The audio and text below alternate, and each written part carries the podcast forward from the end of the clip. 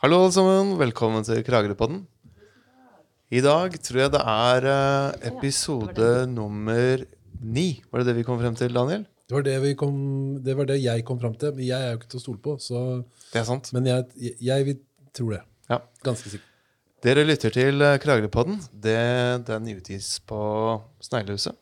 Sneglehuset AS. Den, eh, det eminente selskapet finner dere på www.sneglehuset AS. Um, hvis dere hører på denne podkasten, så gjør dere det antagelig på Spotify eller iTunes. Og legg merke til at dere kan abonnere på denne podden. Så får dere den neste som kommer, rett inn på telefonen. Det er, Det er knapp, veldig bra. Det er en knapp der. Uh, trykk på den. Hei. vi har blitt såpass proffe at nå har vi begynt å minne folk eh, på disse eminente mulighetene i dagens teknologiske høye verden. Eh, vi har besøk av eh, Sverre Åkenhaug. God dag. God dag. God aften, Sverre. Så koselig at du er her. Ja, det er hyggelig å være her også. Virkelig. Hyggelig å være her. Og ellers så er jo det faste panelet på plass. Jeg heter Knut Arntzen, og Marit Laland er her. Og vi tar opp opptaket på Kragerøinstituttet, som er Marit Lalands uh, sted. Rett og slett. Det er, men nå har vi, der ple- har vi også pleid å ha en sånn Ja, det er sant. Ikke sant? Hver gang vi nevner Ja, Ja, det ja, ja, ja. Kragerø-instituttet. Ja. Ja. Og ikke minst til slutt Daniel blir Yeah. Jangmar Paulsen. ikke sant? Daniel og så videre. Daniel også. Han, han heter Daniel Theodor Jangmar Paulsen. Flott. Flott Ikke sant? Ja, det, er, det. eh, er strålende. Det er eh, litt sånn rojalt. Ja, det, det er ja, det. er en bon- bon- i så fall. Ja. Han driver Black Books i Kragerø. Mm, Det er det eller hva, hva, hva er det den egentlig heter, eh, Daniel? Bøker med mer. Bøker med mer. Bøker med mer, Sånn at ingen muligheter er utelukka. Den er viktig, den, med mer. Det. Ja, og den åpner Ja. istedenfor å lukke. Ja, Jeg har sett eh, også i, de, eh, i mange sånne virksomheter som eh, man lager, og legger ut i Brønnøysundregisteret og skal lage noe vedtekter og noe sånt noe, eller formål, og så står det eh, 'og tilhørende virksomhet'. Ja. Den også er ganske god og vid. Det er litt mer høytidelig enn med mer. Jeg syns Ja. med mer er veldig, veldig greit. Kaffe med mer. Ja. Jeg, Det er av vekk. jeg, altså jeg tenkte litt, Først så tenkte jeg litt på navnet Bøker og Sånn. Ja. Men for, for det, var det var litt sånn Bøker and Son. Ikke sant? Samme, det var litt sånn ord. Ja. Ikke sant? Og-tegnet, og så sånn. For der var det også sånn litt sånn åpent. Ja. Ja. Og så var det mulighet for å tolke litt sånn og sønn. ja, så hadde det vært litt sånn westernskilt. Jeg ser det for meg. Ja, ja. Bøker, og så sånn Burker. Altså sånn Og. Ja, ja. jeg så en. Veldig fornøyd med at det landa på med mer. Altså. Ja. Si det. Men Sverre, jeg, ehm, eh, jeg husker første gangen jeg hørte noe fra deg og ble bevisst av deg i verden. Det var veldig fint, og det er en liten sånn, eh, historie som jeg har lyst til å fortelle. Fordi at jeg ehm, eh, da, jeg da var jeg enda yngre og mer sinna enn jeg er nå. Så da, og da kom det et sånt eh, godt initiativ fra en gruppe som du var en del av, som jeg bare så på som sånn hele byens eh, vise menn og kvinner. Og det var en, et initiativ som tok til orde for en verneplan for Kragerø, for, for Kragerø sentrum. Det stemmer. kan man jo snakke litt om, men for meg så var det bare Jeg syns det var et veldig fint initiativ, og jeg syns det var veldig sånn eh, fremstilt i media den gangen som veldig sånn et, et, et godt forslag, og ikke noe eh, beskjedent uh, godt forslag. Og så blei det sabla ned uh, hardt og brutalt. Det gjorde det. Hvilket år var dette her, da? Husker dere? Eh, 2008, tror jeg det var. Jeg ble så, i hvert fall, eh, Vi kan snakke mye om de ulike eh, momentene i det her, men eh, eh, for meg så eh, Jeg ble så indignert på, på dette initiativets vegne og den eh, offentlige reaksjonen de fikk. Eh, Så jeg skrev et eh, fyrig innlegg. Eh, og det pleier jeg å gjøre eh, av og til, eh, når jeg føler for ånden over meg. Ja, det er bra. Men, og det pleier ikke å generere egentlig, kan jeg si, noe som helst. Annet enn kanskje en liten sånn klapp på skuldra. Eller et eller annet. Men eh, etter det så fikk jeg et, eh, et nydelig postkort. Med eh, et maleri, en gjengivelse av maleriet av van Gogh. Og jeg var ganske nylig hjemvendt fra Kunstakademiet og litt mer inne i kunstnerverdenen da enn det jeg er nå. Så det vitna for meg om en sånn forståelse av hvem jeg var. Og der sto det et utrolig hyggelig formulert hilsen fra deg, Sverre Håkenhaug, som takka for at jeg hadde skrevet det innlegget og den støtten. eh, og sånn. Og etter hvert så kom det også til det at du og dere inviterte meg til å samtale med dere om de tinga og det dere var opptatt av. Det følte jeg at, det var egentlig en sånn ting som jeg følte at det var første gangen jeg og mitt fyrige engasjement på noen som helst måte har blitt tatt sånn ordentlig på alvor av noen som jeg kunne se opp til som voksne Ja, høre. Ja. I, i, innafor kommunegrensa. Mm, ja, bra. Og det sier litt om uh, alle andre, tenker, hvor dårlige dumme de er. Det tenker man men det sier mest om hvor bra du er, Sverre. Og etter det så har du for meg alltid vært hedersmannen Sverre Håkon. Nei, det var veldig hyggelig å høre. Veldig hyggelig å høre. Men det var ekte ment. Jeg, det var spontant fra min side å sende deg det kortet. Ja. Jeg fikk lyst til å gjøre det da jeg, da jeg hadde lest innlegget ditt. Ja. For det var helt på sin plass i den sammenhengen. Men jeg har jo forstått i ettertid at det er på en måte hva man kan forvente av deg. Sånn, sånn, det- sånn, det type, sånn type oppførsel. Vi får nå se. Ja. Nei, men jeg, jeg var veldig engasjert den gangen i, i det, fordi jeg så at her er, har Kragerø noe som enhver byplanlegger måtte ha som en fantastisk drøm. Å ha et stort, ledig strandområde midt inne i byens sentrum som kunne utnyttes til byens beste. Ja, da, for det arealet, eller området vi snakker om, det er eh, Det er Kirkebukta den gangen som var fokus, men jeg ser jo at det også kunne ja, senere er blitt utvidet noe eh, nærmere byens gamle sentrum også. Ja. Så jeg så på det som en det engelskmennene kaller en opportunity. At her har vi sjansen til å gjøre noe fint som folk får lyst til å komme til Kragerø og oppleve og se på. Rett og slett. Altså uten, Nå er det vanskelig for meg å ikke være, på en måte, legge noe mer i det, men det er jo, jeg mener det. Altså, det er jo flere som har sett den muligheten. Ja. Eh, Ja, og, det, ja, og arbeidet er jo i full Så kan man jo si hva man vil om det, men arbeidet er jo i full, full sving. ja. Så det er jo, vi er jo på en måte i, i, eh, i den prosessen. ja. Men du du er ikke så engasjert i den prosessen lenger? Nei, jeg, jeg mistet mine illusjoner den gangen. For vi fikk Vi ble ganske godt Fikk beskjed om 'hold kjeft', omtrent også. Det, det var, Hvem av, av hvem da? Nei, det var um, Jeg tror det var av, av bror din eh, og Mette Ofstad. Nei. Jo, det var nok det. Men det, de, det kunne de jo ikke gjøre. De kunne Det, ikke, det, det, nå må jeg skyte inn og så fortelle folk at det var ordføreren og, og Det var broren din! Det var, broren, ja, vi må, vi må liksom Det er veldig bra at du, underholder holder orden her, Knut. Hvis ikke så hadde du aldri gått.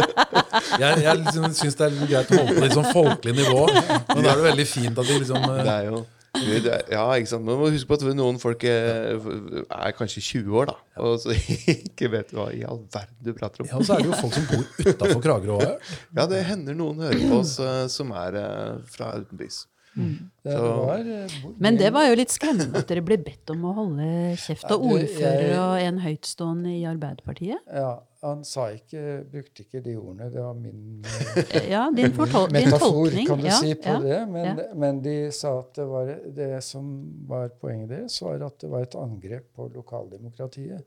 Fordi eh, de mente at her var det en demokratisk prosess på gang i kommunestyret og, og, og sånn, kommuneadministrasjonen. Som vi blandet oss inn i. Ja, Men det utelukker jo ikke at hvem som helst kan mene noe Nei, egentlig ikke. Nei. Burde, Det var eh, god, gammel hersketeknikk. det var nok det. Det fungerte, til, sier du? Og vi, ja, det fungerte til en viss grad, men vi fortsatte jo å, å engasjere oss. Eh, Jeg vet ikke om jeg skal nevne navn på de andre som var i den gruppen. Det kan vi godt, det Det offentlig. var jo Andreas Tandberg, Ja. eh, og og det var Gino Aase, det var Ulf Hamran, det var Geir, Midtgaard. Eh, eh, Vi fremsto der som en slags gruppe som, som eh, mente at her var det store muligheter for Kragerø. Enorme muligheter. Og vi la fram skisser og ideer om hvordan dette kunne gjøres. Men det var tydelig at eh, både administrasjon og, politisk ledelse hadde andre planer enn det vi så for oss.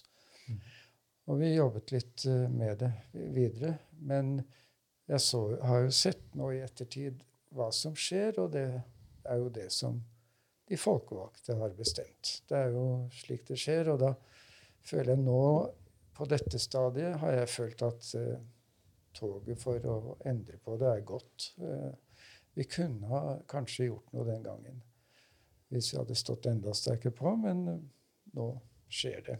Det som vi i grunnen har fryktet, at det blir store bygninger i sjøkanten. Dette var i 2006-aktig. Ja. 5-6, ikke sant? Jo, altså de Tror det var 2006. avisoppslagene vi viser til nå, det, det var 2008. Jeg kikket på det før jeg gikk hjemmefra i dag, for jeg tenkte nok at dette ville komme opp som tema.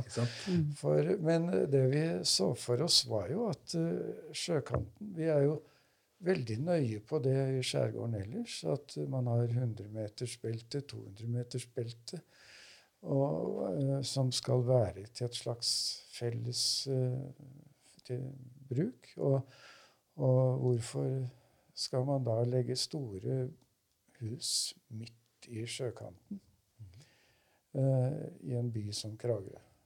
som har så mye sjarm ellers. Mm. Og det, som jeg husker de argumenterte med De skulle ha en strandpromenade bort gjennom Kirkebukta.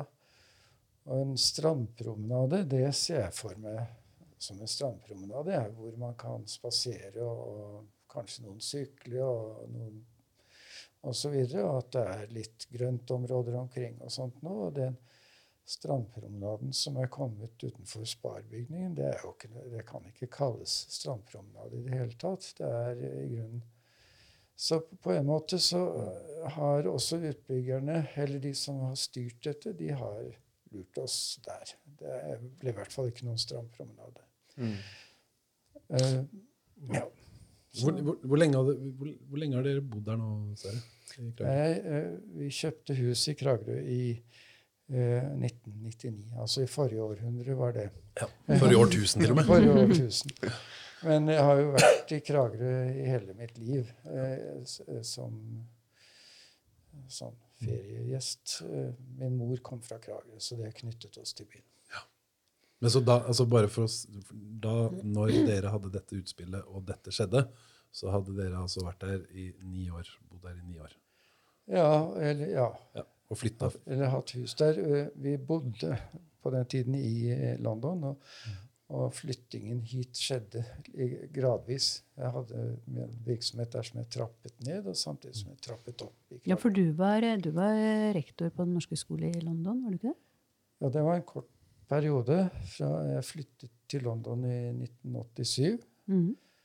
Og da hadde jeg stillingen som rektor på den norske skolen der. Mm. Vet ikke om dere så det var reportasje derfra med Norge, Norge Rundt for Jeg så at siden. eh, Jeg har ikke sett reportasjen, men Nei. jeg så at eh, det skulle være. Så den skolen eh, kom jeg til. Jeg var lykkelig og glad for å være i England og jobbe og kunne tjene penger der. Det var morsomt.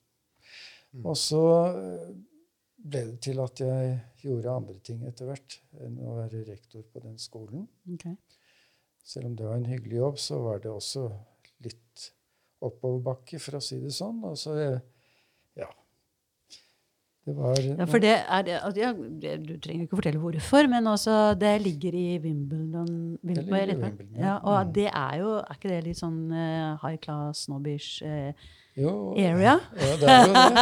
det, er jo Ja, det. Hvorfor det ble lagt dit, det, det vet jeg ikke. Det var det Statoil den gangen som bestemte. De hadde behov for skole, for de hadde så mange norske Men når er de egentlig etablerte den skolen i London? Ja, når var det? Det, Det, er ikke så himla lenge siden. det er ikke altså. så lenge Nei. siden. Nei. Eh, Det var noe som eh, var etablert tidligere. En, en kvinne som het eh, Warren, var gift engelsk, hun var norsk. Hun hadde startet noen norske klasser på, eh, og leide klasserom på en annen skole. Mm. Men så kom Statoil inn og hadde sine interesser, og da tok de fatt i det og, og kjøpte den eiendommen hvor skolen er nå. Mm. Og det var fordi, fordi at de så kanskje Wimbledon som et attraktivt sted å være. Snacks i området? Ja, det er jo det. Ja. Veldig hyggelig område, det vil jeg si. Mm.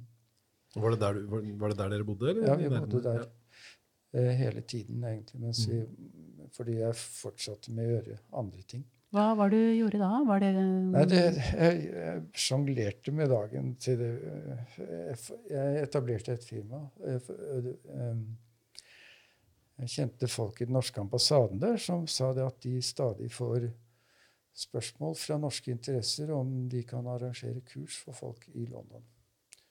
Og det sa de at det har ikke de kapasitet til å gjøre. Så der var det en fra ambassaden som sa her er det mulighet for deg. Mm. Og så etablerte jeg et firma og begynte å arrangere kurs. Og det, jeg fikk forespørsler så det suste. Og det, i London er fullt av talent. Folk, eh, Å begynne å finne folk der det var bare moro. Som Mm. kunne være instruktører på kurs. Hva slags eh, kurs var det? Ja. Nei, det, det, det begynte etter hvert å bli eh, det, eh, det var mye lærerkurs. Gymnaslærere som underviste i engelsk, som trengte påfyll. Og så etter hvert så ble det også folk fra det norske statsapparatet. Fikk Statskonsult, heter det, som en viktig kunde. De trengte folk som kunne ja, Folk flest som jobber i statsapparatet, kan engelsk, men de trengte det påfyllet som skulle til for å delta i forhandlinger. Internasjonale forhandlinger. Mm. Internasjonale møter. Og der fikk jeg kontakt med dyktige instruktører på, på det spesialfeltet i Mm. London, så jeg holdt kurs for det, da. Eh, og fant, eh, fant eh, dyktige instruktører. Så det holdt jeg på med. Men så kom det også flere forespørsler, fordi jeg vet ikke om dere har hørt om IB, internasjonalt bakalaureat. Det er jo en Mm. form for videregående skole. Det har de i Porsgrunn, blant annet. Ja, det stemmer. Og eh, i London er det noen skoler som har det, som satser internasjonalt. Og det var to skoler hvor de hadde norske elever som gjerne ville ha norsk. Så jeg fikk eh, drømmejobb som lærer og underviste i norsk litteratur på, på disse eh, stedene. Og hadde fire-fem elever i klassen. Nei, det var helt fantastisk. Og motiverte elever og hyggelige elever. Og, vi, og, og sånt noe. Vi leste Ibsen og Hamsun og, og sånt noe. Og det, det som var morsomt med London, der, der er det alltid et Ibsen-stykke på en eller annen scene. Ja, det er fint. Det er, eh, så jeg sjekket med teaterverden. Hva skal dere sette opp av Ibsen til neste år? Jo, da er det The Master Builder. Uh, Byggmester Solnes. Og da leste vi det i klassen, hele stykket gjennom. Og så gikk vi og så det på teater. Mm. Og da, kom jeg, da følte jeg meg så glad som lærer, for da kom vi etterpå og diskuterte den framføringen. Og elevene kunne til og med si at de var he ikke helt fornøyd med oversettelsen. da, Ja, ja. ja, så det var, sånne ting var veldig Mm. morsomt. Det høres ut som en helt sånn perfekt eh, tilværelse. Ja, jeg stortrivdes, men det var sjonglering med tid. For jeg, jeg satte i gang kurs om morgenen og, og eh, for disse folkene som var kommet. Og da hadde jeg instruktører som jeg stolte på, og de tok kurset videre gjennom dagen. Og så skyndte jeg meg da ut på den skolen hvor jeg skulle, og så underviste jeg. så det, og, så frem, og så tilbake til kurs igjen for å avslutte dagen der. Og det, det var, det, jeg fikk akkurat tiden til å gå. Din, eh, din eh, fagbakgrunn, det er eh, engelsk og historie, er det det? Ja. Ja. Og lærerskolen har jeg i bunnen, og så studerte jeg engelsk og historie på Blindern. Akkurat. Og du har skrevet eh, Du har vært eh, redaktør for produksjonen av Historieverket i Kragerø. Kragerøs historieverk.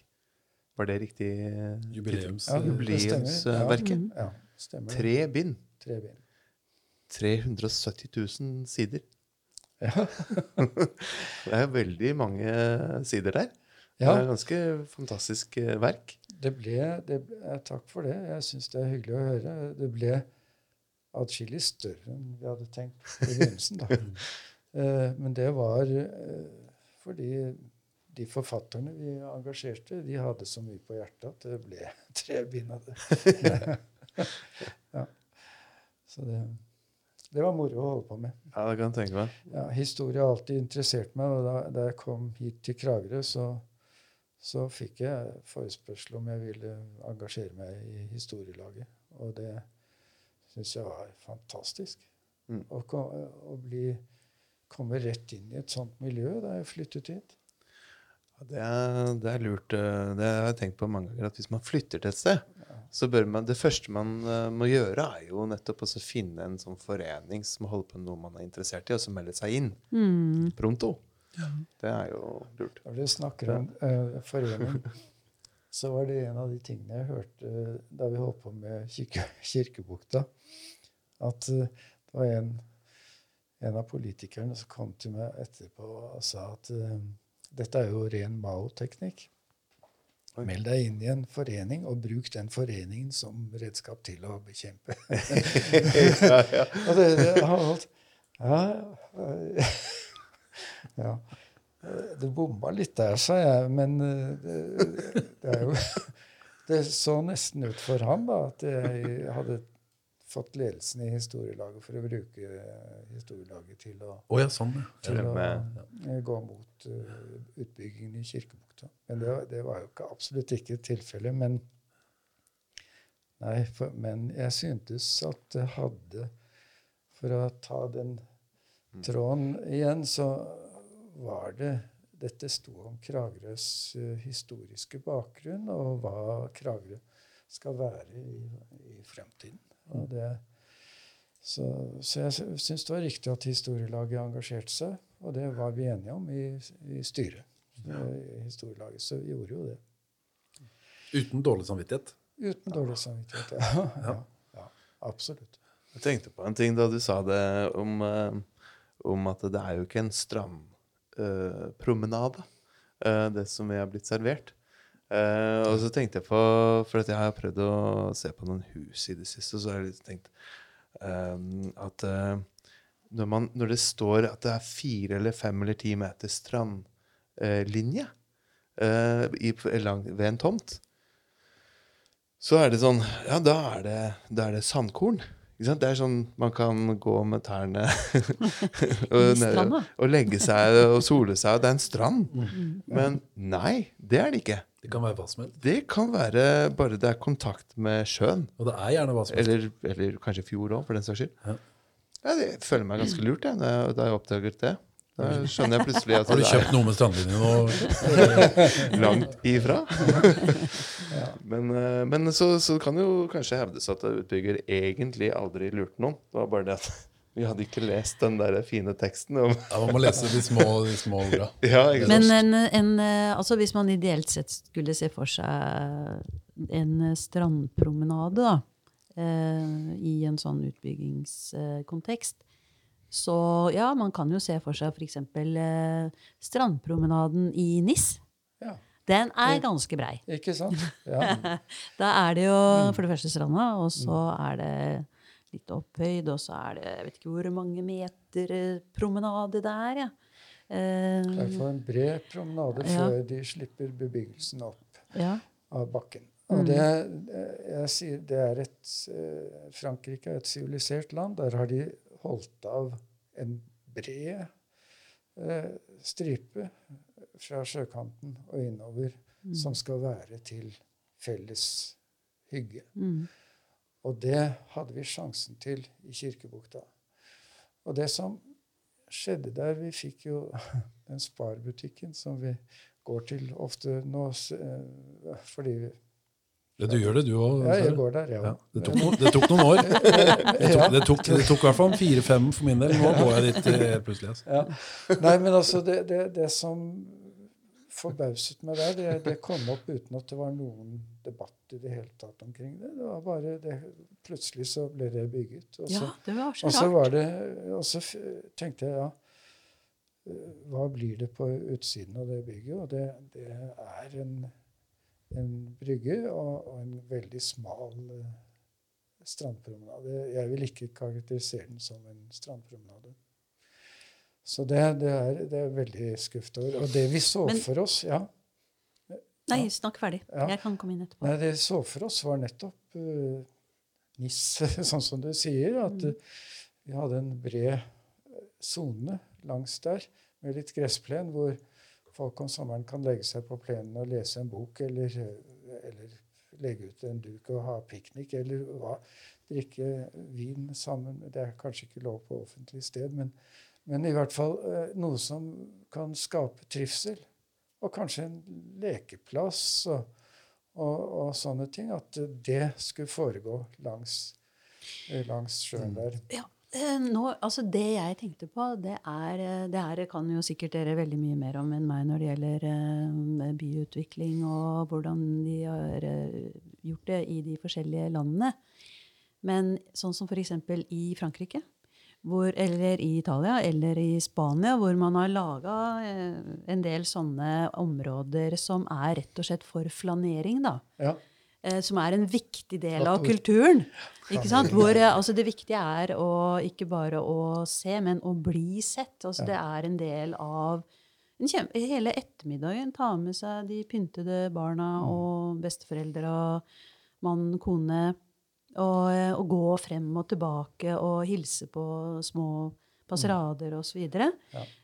Så det kunne vært et veldig sosialt sted, men det er jo en det er jo, akkurat det er jo kanskje en litt sånn eh, Ja eh, Ikke noe vi kanskje har så, eh, er så connecta til, da. Ja. Den måten å forholde seg til hverandre på. Men, men det er jo noe med å lære noe av det også. Ja. Altså at det er noen offentlige områder hvor man kan treffe andre. Enten det er eh, bys, kommunens borgere eller tilreisende, eller at det finnes noen sånne offentlige streder. Men det er jo det at det er jo så få her òg, da. det Ja. blir god, veldig god plass. Det er riktig som du sier. eh, Middelhavslandene i det hele tatt. Du ser at de har holdt igjen akkurat den nærmeste stripa langs sjøen til flanering og hygge og kos. Og det, det, det kunne vi gjort her også. Fordi vi har et bysentrum i Kragerø som er kjempesjarmerende, fantastisk. Men der før, før så var jo alle bryggene der eh, private. Og, og i Kragerø-folk har alltid respektert det, private brygger. Og sånn. Og, og sånn og vi, så det hadde vært Men det er i dag sjarmerende at det ligger hus nede i sjøkanten i, i eh, det gamle senteret. Eh, derfor kunne det vært så flott med den, at det kunne være den moderne kontrasten til det gamle bysenteret. At man hadde Her er det en strandpromenade eh, som vi kan hygge oss med langs Vi trengte det. Vi har jo fått Gunnarshallen. Eh, Genialt. Eh, genial byplanlegging. Det er jo veldig fint, altså det, sånn i, i forbindelse med jubileumsskrifter, eh, som vi snakka så vidt om i stad, så er det jo artig lesning de foregående jubileumsskriftene fra 1916 og 1966. og i noen av de så er det gjengitt eh, Jeg husker ikke hvilken, men det er gjengitt en fortelling fra en sjømann som for, Altså en sjømannsfortelling om det å komme hjem til Kragerø torg Ja. som en sånn beskytta og noen som vender seg vekk fra Ja, den sjøen. ja. Ikke sant? Som er Mm, det er interessant. Um, men i forhold til strandpromenader og sånn, så er det jo ikke sant, å snakke om middelhavslandene og sånn. altså De har jo gjerne eh, strandpromenader, som vi snakka om, som slik det anstår seg for Ja. den type byer. Ja. Mens i eh, bondebyen, eh, sjøbondebyen, Kragerø, så har vi hatt eh, rikmannsfolka som har hatt eh, sine sjøslott med pakkhus og altså Det er jo litt sånn, sånn er det jo langs hele kysten. Ja. Og så har man da kjempa, eller fått et torg som var alles beskytta oppe i byen.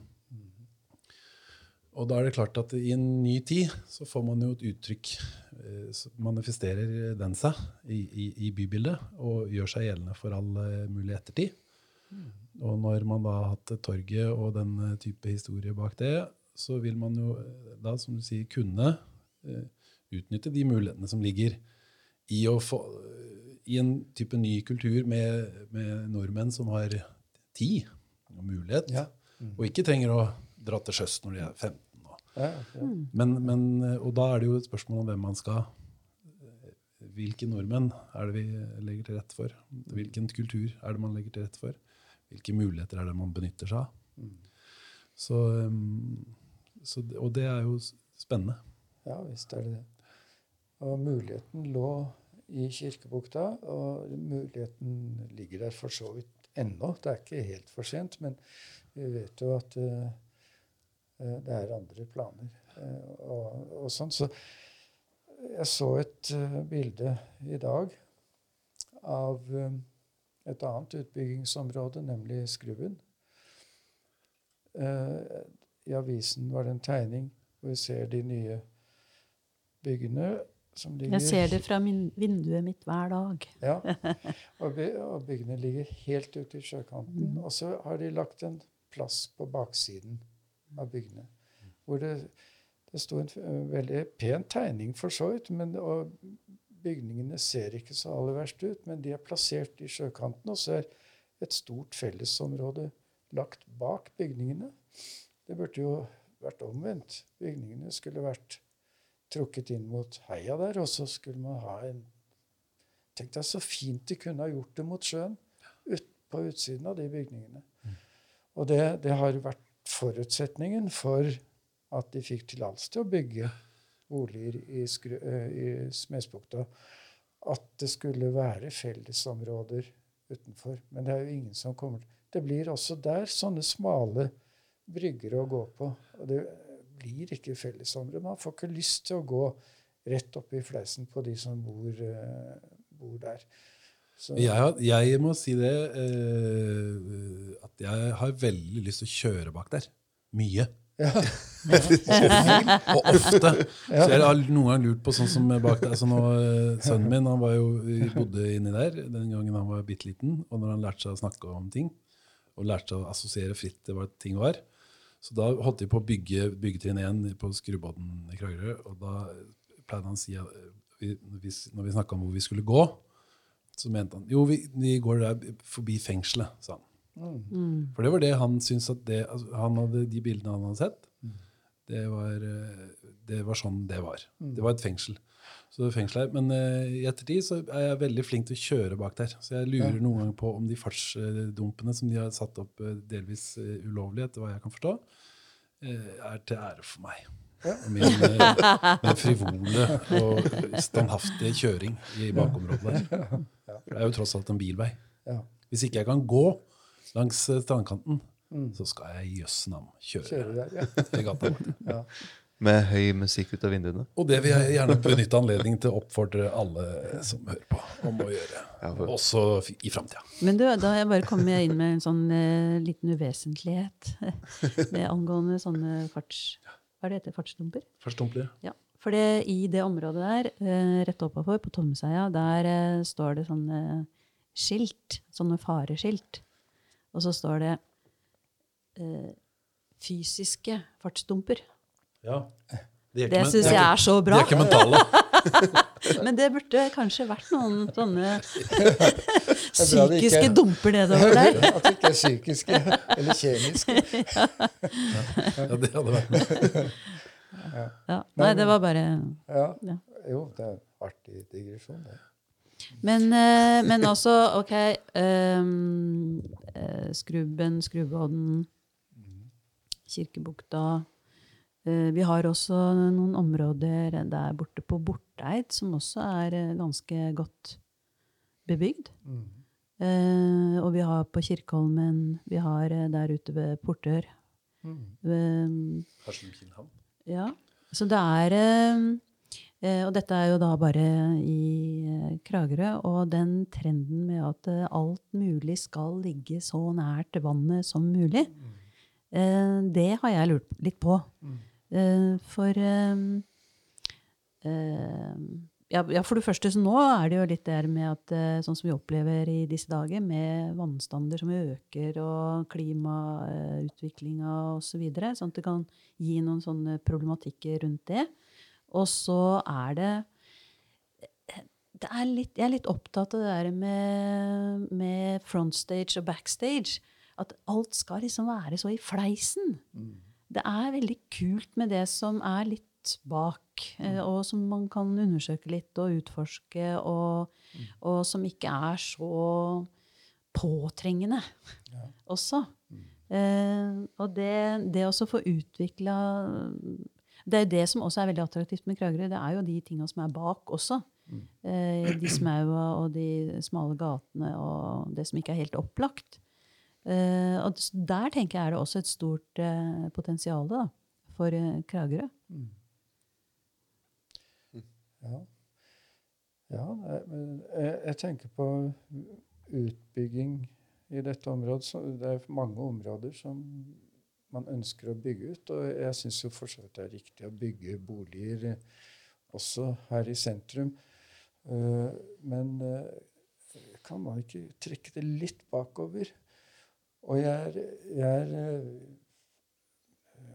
Moderne arkitektur kan være veldig fint. Eh, bare det har riktig skala i forhold til vår by. Eh, så jeg ser gjerne at, eh, at eh, Jeg har sett veldig mye fin, moderne arkitektur som gjerne kan skje i det nye området, hvor man skal bygge, eh, lage en helt ny bydel, for så vidt. Eh, Så er jeg ikke imot det. Eh, det. det kanskje til og med at kan, eh, vår tid må kunne gi et uttrykk også. Vi har jugendstilen i, i parken, i Bjørnsborgparken.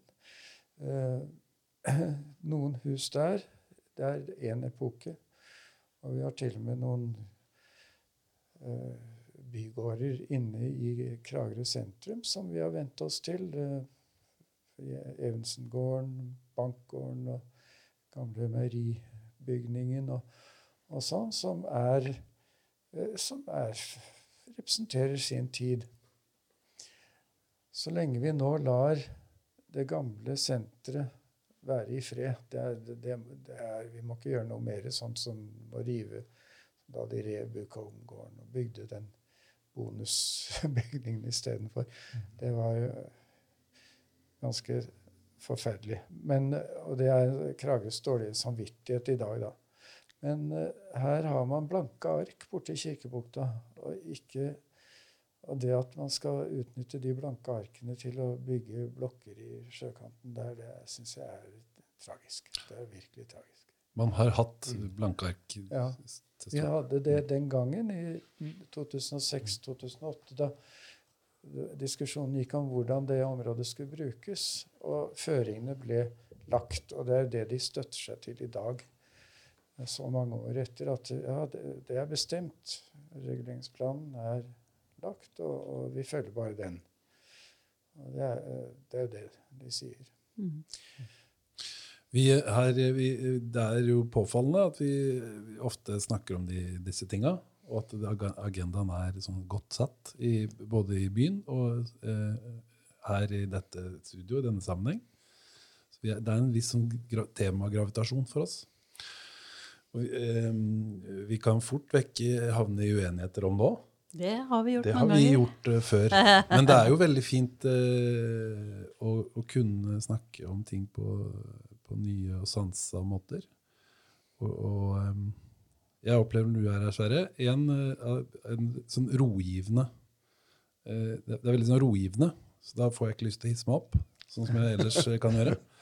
Men, og da synes jeg, altså, men hvem, Den sjarmen som man snakker om i forbindelse med Kragerø, hvem, hvem skal den være til, hvorfor er den viktig?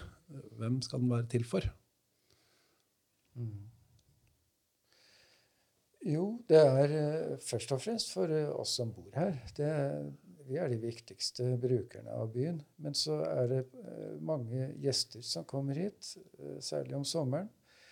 Vi vil gjerne ta dem imot om vinteren også, men det kommer masse gjester hit.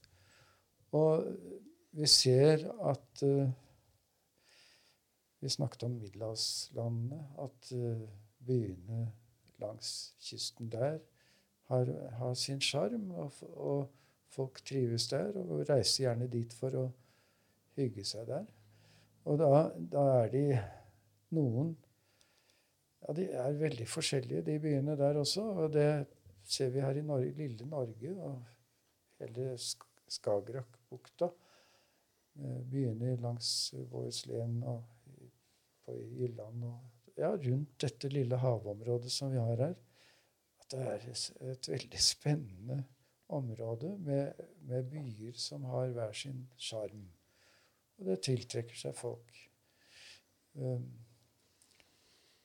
og til og med eh, reiser jo folk til London for å gå i Regent Street, og den gaten har jo også sin sjarm med sin eh, spesielle byarkitektur. eh, og butikker og sånt. Det, det tiltrekker seg folk, det òg. Så det er, det er så mange forskjellige ting, og, og Kragerø har den egenarten at det er ingen annen by som ligner, så, eh, ligner på Kragerø. Vi har noen som kanskje kan sammenlignes med Kragerø, men uh, Kragerø har sin egen sjarm, og det er det mange som ser. Holdt på mye med kunstnere. De, de så det jo. Våre fremste kunstnere kom hit og, og likte å arbeide her. Har du funnet at det er, at, det er en slags sånn fellesnevner? For at det er, at det er noe med altså Munch snakka om lyset. Ja, lys, ja Munch. Eh, han, eh, han kom hit fordi han fant roen her også, tror jeg. For han kom fra et hektisk liv i Tyskland som tok knekken på han psykisk. Da. Eh, og, og han fant roen i Kragerø. Mm. Malte bilder av kjærestepar under frukttrær, og, og han malte soloppgangen selvfølgelig. og historie. Det er så vidunderlig, de bildene han fikk laget her, i forhold til det han lagde andre steder med skrik og døde mennesker og, og, og, og sjalusi og melankoli og alt det der. der. Det, gjorde han andre steder, ikke her i Kragerø. så, så det, det er litt kjedelig her i Kragerø. Det er litt. Helbredende. Han, han roet seg her og, og laget vidunderlige ting. Men jeg tenker også på Fritz Taulo, som var her. Malte barn som maker i kjelk, på kjelke oppe i Bjørnsbergbakken. Og, og, og Erik Wernskjold, som malte gjeterbarn på Tåtøy. Det, det var Området tiltra, har tiltrukket seg gode Jeg tenker på det med Jeg syns det er veldig interessant med Edvard Munch og den historien man gjerne vil fortelle om, om Edvard Munch og, og hans tilhørighet til Kragerø. Ja. Mm -hmm. fordi eh, det blir ofte pakka inn eh, som en veldig idyll den tida han var her. Og at han var veldig produktiv. Mhm. Det var det jo. Mhm. Og um, ehm, Det han holdt, det vet jo du selvsagt veldig godt, og sikkert mye mer enn meg, om at uh, han var jo veldig opptatt av etter hvert med, med, med mm, konkurransen i Auland. Ja. Uh, og og um, ja, han malte jo solen her, og historien, og ja, ting som han da utvikla med tanke på å skulle være med på å bygge landet. Eh, og, og som en fortsettelse av, av nasjonsbygginga. Eh, og det dreiv jo han veldig sterkt på med. Han hadde jo et kjempebehov for å, å, å bli, bli Munch. Bli Edvard Munch. Ja. Munch becoming Munch. Ja. Eh, og han eh, eh, Altså, vi, vi kan jo tenke eh, og presentere når han eh, snakker med lokale folk her, eh, enten det gjaldt å få hjelp til utførsel av de strålene på den sola, eller det var eh, eh, den unge gutten som var eh, modell i historien, eller ja, flere som var rundt han, hushjelpen osv., at, at han eh, eh, var opptatt av og gjorde det fordi han på en måte var spesielt interessert i disse. Det tror ikke jeg. Jeg tror at han, eh, han var veldig strategisk, og at han eh, hold, hadde prosjektet på gang. Og det pass, altså han brukte de mulighetene som han hadde, og han brukte det her i Kragerø. Eh, og jeg tror at han egentlig så på Kragerø-folk som ganske provinsielle. Kan ikke skjønne det. Det- Ja, var litt og- og-. Eh, og at han liksom hadde en veldig agenda, da. Eh, sånn at eh, Ja, eh, helt sikkert. Altså, han så jo eh, alle de fine tingene som, som han da har gjengitt, som han så dem, som det sies og skrives. Men at han også hadde en, eh, en annen ganske strategisk mission i sitt eget liv, eh, det tror jeg. Og det var knallhardt. Knallhard konkurranse. Om Aula. Eh, Om Aurland. Ja, Mm. var ganske Ja, stygge saker som foregikk. Og, eh, og etterpå, seinere, altså hvordan han tenkte om og så på sine egne kunstverk. Eh, Mm. Og fantastisk eh, interessant nå, for ikke så veldig lenge siden, som det kom frem hvordan han eh, var opptatt av å beskytte disse barna sine under annen verdenskrig, og ikke inngikk i eh, noe form for forhandlinger med, med okkupanten. ikke sant? Så det, han hadde et helt spesielt forhold til, til kunsten sin, og at den var en del av han selv. Og det var så viktig for han at det ble videre i ja, det ble kommunen, da. Han ville jo helst at det skulle bli nasjonalt, men det ble eh, Oslo kommune ja. som eh, fikk denne gaven. Fordi Ja, hvorfor det? Altså, han, eh, han dreiv på med noe. Og bygde seg selv og navnet sitt og historien sin og ja. Men har jeg misforstått? Var det ikke, han kom ikke an fra København og hadde vært og hvilt seg opp på et sted, og så var Kragerø et av de første strandhogga på vei tilbake? Nei, jeg er Så da var det jo bare tilfeldig ja, det, det, virker jo litt sånn tilforlatelig øh, uh, og tilfeldig Mm. at uh, ja, åh, godt å være tilbake i Norge, og nå kan jeg slappe av. Jeg var sjøsjuk hele veien over øh, vannet. Og kom jeg fram, og her er det egentlig ganske rolig, og det er ikke så langt unna Oslo.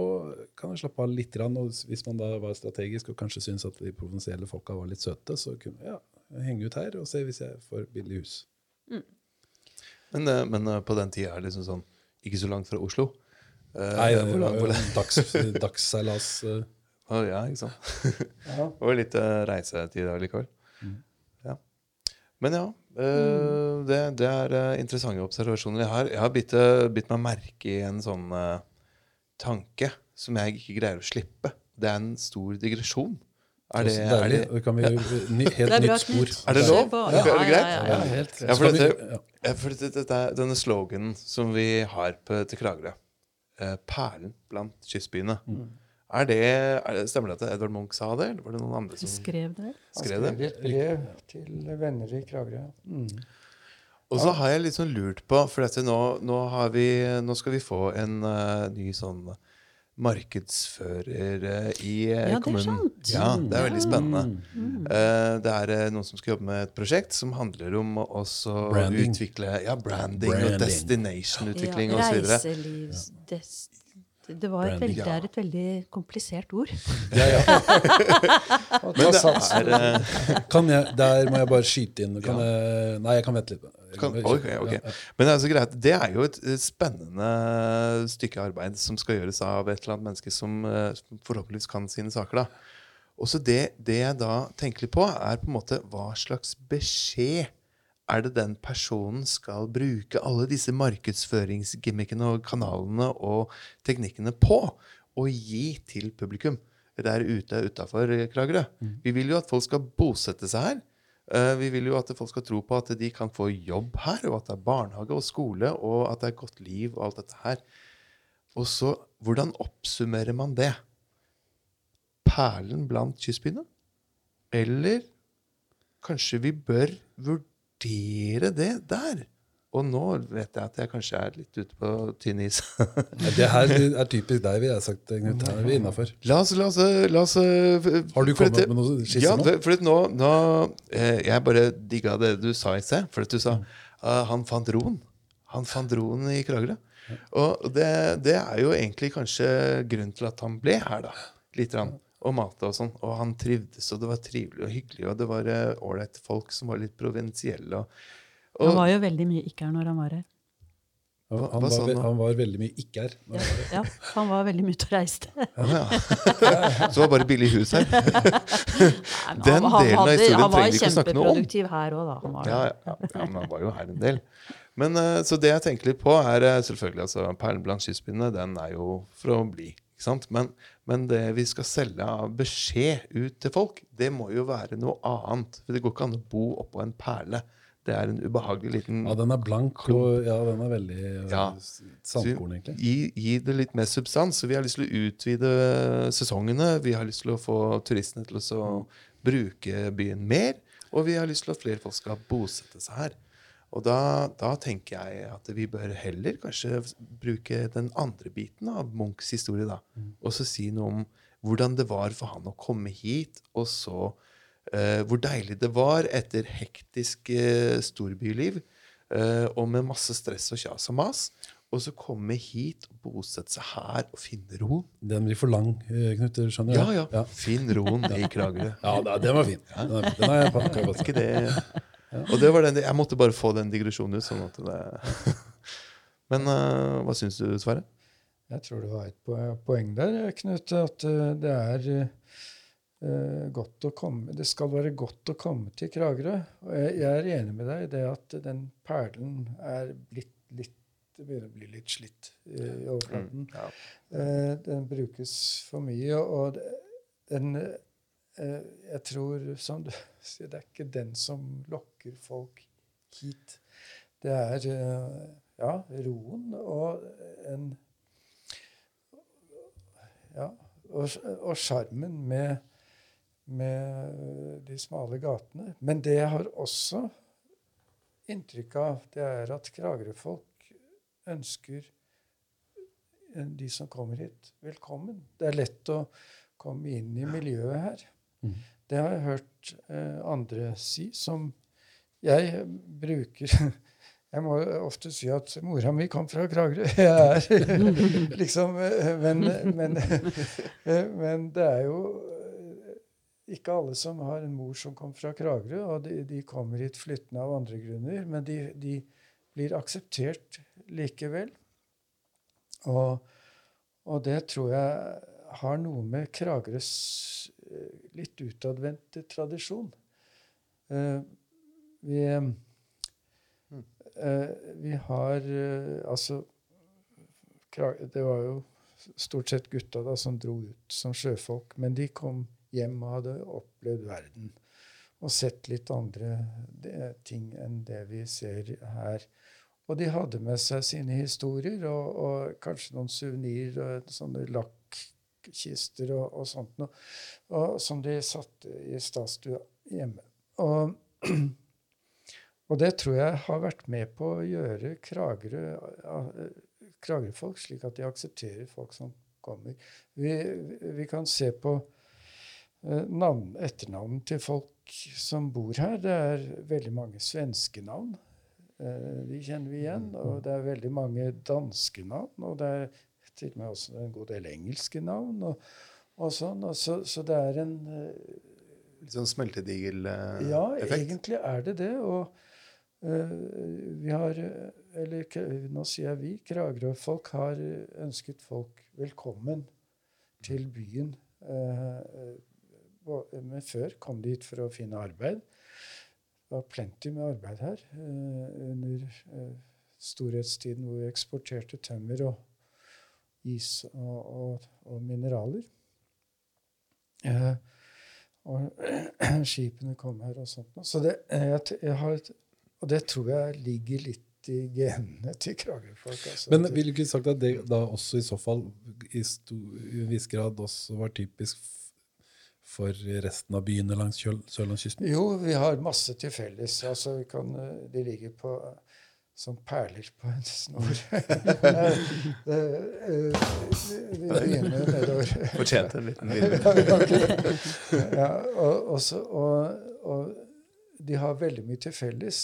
Men det, er- det er litt morsomt å Jeg er i Langesund, og jeg er i Risør og i Kragerø. Vi er tre nabobyer som har veldig mye til felles i historien. Men jeg syns det er moro å se hvor forskjellige de er også. Mm.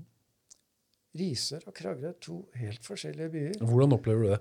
For det synes jeg, jeg syns også det er veldig spennende. Ja, det, det er, Jeg jeg sett, klarer ikke helt å sette fingeren på det. Men, Nei, men det, det har Og dermed Der ser vi litt av hvor, hvor finner vi Hva er det som former den forskjell, de forskjellige identitetene til de tre byene? Mm. Og det kan vi fundere litt på. Og da kommer vi tilbake Du snakket om historieverket. Jeg tror at veldig mye av det ligger i historien, og det er derfor jeg syns vår historie her i Kragerø er så viktig, da, for Mm. den har vært med på å forme oss. Men var det ikke blant annet sånn uh, at Kragerø eh, i en viss tid klarte seg litt bedre, sånn at man hadde råd til å bygge sånne mursteinsgårder? Og at det var litt, var liksom litt mer penger enn en, en gang? Jo, det, det, det var det. Altså Mursteinsgårdene kom jo som resultat av bybrannen i, i den uh, delen av byen altså, som nå er Kirkebukta. Og, og den, der borte, den brant jo i 1887, var det ikke det? Eh, og det var stor brann der. Og, og by, uh, bystyret vedtok at bygningene skulle reises i mur etterpå. Derfor har vi jo de jugendbygningene rundt parken. Og, og, og de bygningene som Men også Julgården og Kragerø Sparebank. eh, Ja. Ja, og Meierigården. Øh, ja, og sånn som i grunnen ligner litt på bygårdene på Frogner i Oslo. eller mm. sånn.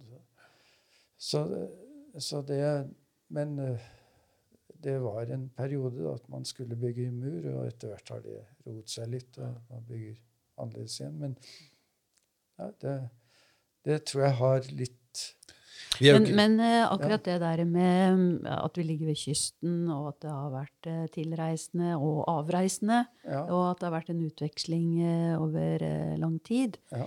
det, det tror jeg også helt sikkert har påvirka. Mm. Og vi har jo mange historier knytta til det. Sånn som denne postmesteren, for eksempel. Ja, eller, altså. Det er mange fantastiske historier. Og man kan se det. Mm. Eh, på, eh, altså tidligere så var, kunne man jo si at det var en mer homogen eh, befolkning. Eh, og, og det var noen få som skilte seg veldig ut. Mm. Mens eh, kanskje i disse kystbyene, ikke bare her på, på Øst- og Sørlandet, men også oppover langs eh, vestkysten i Norge og, og nordover, med stort antall av brunøyde, mørkhåra nordmenn som hadde fått uh, Mm. gener fra eh, andre geografiske områder. Mm. Uh, til, I motsetning til uh, kanskje i Innlandet, hvor Mm. det var eh, litt annerledes. Eh, og jeg eh, er langt på vei veldig enig med deg f.eks. når det gjelder toleransen for eh, originaler i Kragerø. Mm. Eh, Sammenligna med små bygder i Innlandet, eh, så tror jeg at det, det har vært veldig brei toleranse for mm. forskjellige karakterer. da. Mm. Eh, og det er jo veldig positivt, etter Ja. min mening. Ja. Og gjør noe med, ja, med mangfold og livsglede og forskjellige uttrykk osv. Så, videre. Så, eh, så eh, det er ikke noe vanskelig å være e eh, altså, Jeg er helt enig i den måten å tenke om eh, Kragerø. Men likevel, så nå, kanskje de seineste tiåra, så kan man få en følelse av at Kragerø er litt i bakevja. Eh, på en måte. Eh, fordi eh, altså den der fine innfartsveien har på en måte blitt utfartsveien. ikke sant? At eh, folk eh, drar ut. Eh, det kan både være Nå er det jo kanskje netto fraflytting igjen, sånn lite grann. Sjøl om det ligger stabilt på 10 000-11 000 veldig lenge. Så øh, Og ikke sant, med arbeidsplasser med forskjellige funksjoner som flytter ut av øh, Kragerø. Eh, og man må kanskje begynne å tenke litt annerledes rundt at, at Kragerø må trekke til seg noe på en eller annen måte. Da. Og, og at det selvfølgelig må integreres i det som allerede er, men det må også få lov å utvikles som noe nytt og selvstendig. Og, ja. og hvordan det skal gjøres, er jo det store spørsmålet. Ja. Og det jeg, altså de der patrisebygningene og sånn som dere snakker om, eh, det er fint og flott og at det blir ivaretatt i sentrum og sånt noe, men eh, eh, hvordan skal vi få til det moderne livet for eh, ja, småbarnsforeldre, barn, gode skoler, barnehager, alt det vi snakker om? Svømme, svømmehalltilbud osv. Bygge flere boliger i strandkanten. Det er mitt forslag, altså. Jeg vet ikke. Men eh, jeg, altså, jeg, jeg bare tror at det er uh... Men uh, Daniel, jeg vil ha ordentlig strand. Jeg vil ikke ha en sånn der steinrubbel. Som Nei, da må vi strand, ordne det. strand. Kamp ordne må være strand. Det kan la seg ordne. Bare fylle på. Nei, men Det er jo et godt spørsmål. Jeg, synes, jeg sitter og tenker på det at vi, når vi hadde vår første sending med Kragerpodden, i episode nummer én, så eh, og skulle presentere oss sjøl og brukte tre og en halv time på det, så var vi innom ganske sånn Ikke så veldig mye flinkere. Nei, ikke sant? Men, eh, vi, men da, var vi inne, da var vi ganske mye mer eh, Det er lett å gå i den eh, grøfta som vi er inne på. ikke sant? At vi blir lokale, at vi, blir, at vi ender opp i de samme temaene. Men det det må handle litt om, er jo hvordan man finner nye måter å snakke om de tingene. Altså hvordan man erobrer en ny debatt. Hvordan man liksom ikke aksepterer den debatten man blir presentert for. Hvordan man eh, finner, ut, finner utveier, muligheter, løsninger. Finner ut av Kragerø. Og ikke ender opp her med i liksom andedammen og eh, i mørket. Ikke sant? Og det er hvordan, hvordan, vi, hvordan skal vi få til det? Mm, ja, det? Og det er det vi ønsker oss her. Ikke sant? Ja, jeg, bare kom på, jeg, jeg leste akkurat uh, For vi begynte egentlig å snakke om det med, med vern. Ikke sant? Det, ja. ja. Og, og eh, det jeg leste, det var at i Fredrikstad, hvor de er ganske flinke til å ta vare på Til å verne. til å verne, så sier til og med mm, eh, en veldig fremstående Frp-representant at vern er premisset for byutvikling. Det er en helt annen attitude Mm. til eh, hvordan drive by- og stedsutvikling. Jeg syns at det, det, det må vi liksom prøve å få frem. At hvis man har det som et, et utgangspunkt altså Det var jo så bra med hun Tanja Røskar, var ikke det hun het? Hun som var sånn eh. Byantikvar, ja. byantikvar. Ja. Hun er jo så dyktig, så, Så lenge, så lenge vi hadde råd. Så lenge vi hadde råd. ikke sant? Fantastisk. Og, og de leier henne jo inn nå eh, der i Tallakshavna for å sette i stand en sånn eh, Ja. gammel eh, bu der. Mm. Um, men det, det mener jeg det, det å, å holde frem Jeg er selvfølgelig veldig interessert i historie, og, og, um, og at man må verne om eh, det man har lyst til å beholde. Eh, det, hvis det kunne være grunnlaget for en utvikling, bygge på det som er Men det er jo, det, det ender jo fort i et estetisk eh, på en måte estetiske avveielser. Og det er sånn, Apropos eh, Vi har vært i Middelhavet i dag. Eh, veldig mange nordmenn har vært i Barcelona i det siste. Flere og flere. Det er et ynda reisemål. Det er veldig vanskelig å sammenligne Kragerø med Barcelona, selv om alle snakker om Bilbao-effekter med her og der på forskjellige måter. Men, men eh, hvis man ser til noen, av, eh, noen steder i verden, sånn som Barcelona eh, Jeg har lest en del om byutvikling der. Og det som kjennetegner eh, mange av de mye eldre kulturene våre, eh, så er det jo noen skikkelig grep i forhold til byutvikling. Og, og som setter modernitet Altså det, det, det å snakke om moderne bygg, eller moderne utvikling på et sted som Kragerø, har så utrolig lite for seg. Når man ser på hva som har blitt gjort eh, på steder som Barcelona selvfølgelig, altså det, Men, men bare, for, bare, for, å vise hva det handler om så Mange kan relatere til Barcelona, mange har vært der. og Hvis man ser på de via diagonalene de har, så har de, de har gjennomført ting til enorme protester. Mm. Men ikke um, til allmennytten, da. Og for å Som, som visjonære. Og du ser det samme i Roma, at du har helt moderne, helt moderne bygg ved siden av tusen år gamle bygg. Mm. Så det er, det er, ikke, det. Er helt nybygd, helt eh, samtidig arkitektur rett ved siden av et gammelt bygg. Så det, er mye større fokus på funksjon og allmennytte og lengre linjer så, eh, og, og, det at eh, denne diskusjonen om liksom modernitet eh, versus noe gammelt eller nostalgisk, det er så misvisende.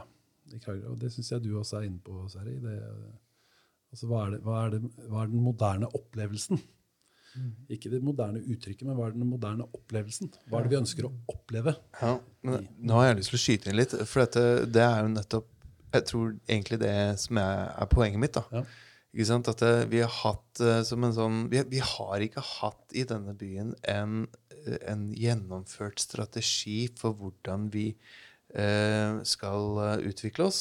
Og, og, det er jo også en annen måte å si hvordan vi på en måte selger oss ut til andre. ikke sant? Altså vi, vi, jo, vi, vi selger jo en slags historie, eller vi prøver jo å fortelle en historie om hvor attraktivt og ålreit det er å bo her. Eh, og eh, hvis vi da hadde hatt en, en klar plan der, f.eks.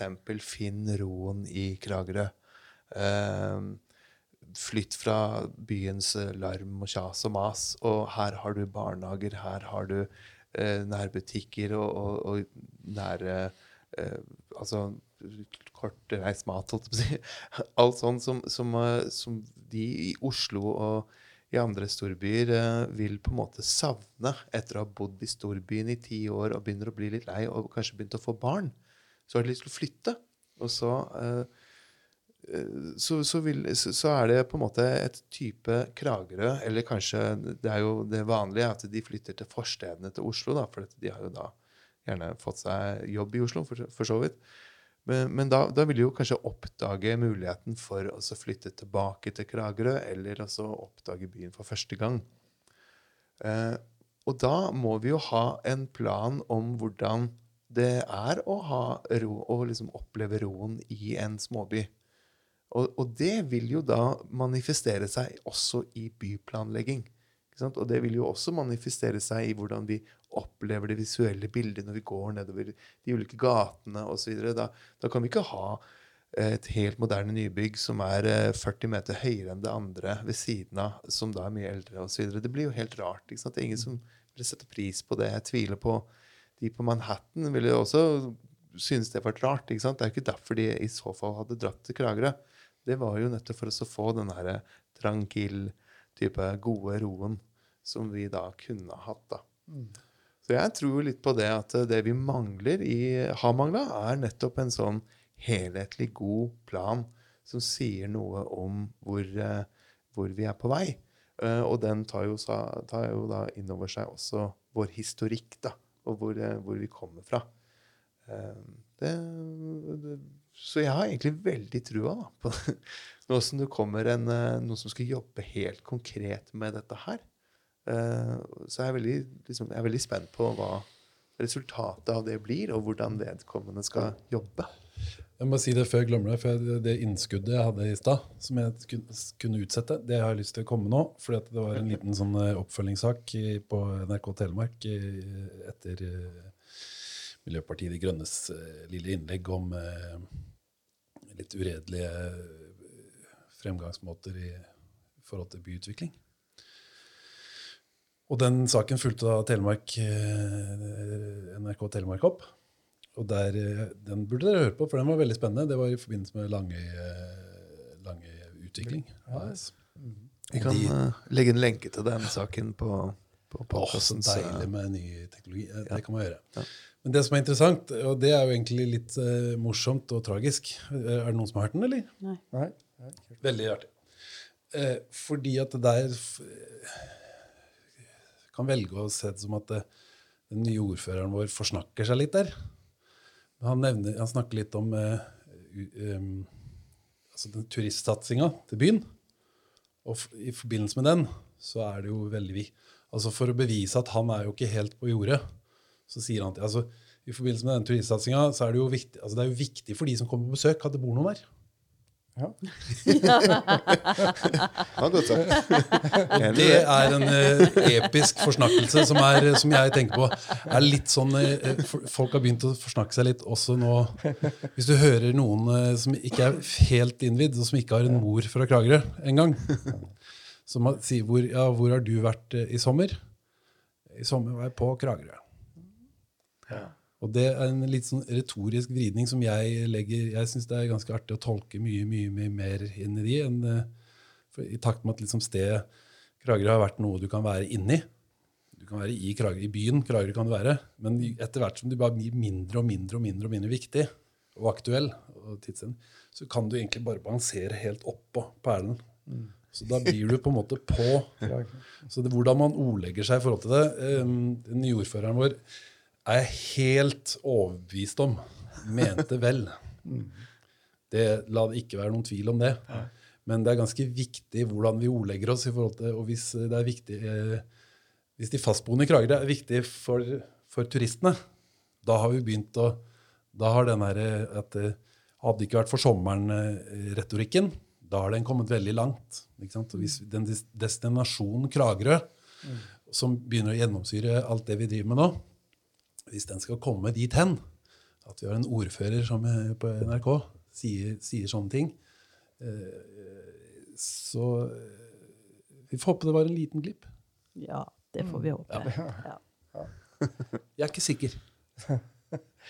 Men, men jeg tenkte litt på det mm, Ja, finne roen i Kragerø. Men vi vil også være deltakende i verden. Sånn, vi vil flere ting på en gang, tror jeg. Eh, sånn, vi vil jobbe, og vi vil bruke ny teknologi. Vi vil eh, kunne bruke internett og være overalt i verden, ut og reise mentalt og også fysisk. Og vi vil bo i Kragerø. Eh, og det er det noen ganger så kan man føle at, eh, at det er vanskelig når man bor i Kragerø. At man henger litt etter. Eh, at man får til ting eh, ja, i andre byer. Da. I Tønsberg, ikke sant. Altså, det, man, kommer, man kommer nærmere Hva skal jeg si? Eh, den derre globale utviklinga. Du kan være med. Mens her så er det litt vanskeligere å få til. Eh, og det tror jeg henger litt sammen med ja, type arbeidsplasser som er her. Utdanningsnivået altså Det er mange sånne størrelser som er litt avgjørende for hvordan eh, arbeidsliv og liv og levnet er i, i Kragerø. Og de mulighetene. Så jeg skulle jo ønske at eh, selv om jeg er veldig for, eh, som dere hører, for eh, vern, og vern som premiss for en, en eh, fysisk utvikling av et eh, en sånn småsted som Kragerø by, så mener jeg også at man må ha flere tanker i hodet på en gang. Eh, og at eh, jeg skulle ønske at det i en sånn stedsutvikling også inngikk en mulighet for en infrastruktur hvor man følte seg som en deltakende i den globale verden. Da. For det, sånn er det blitt på en måte.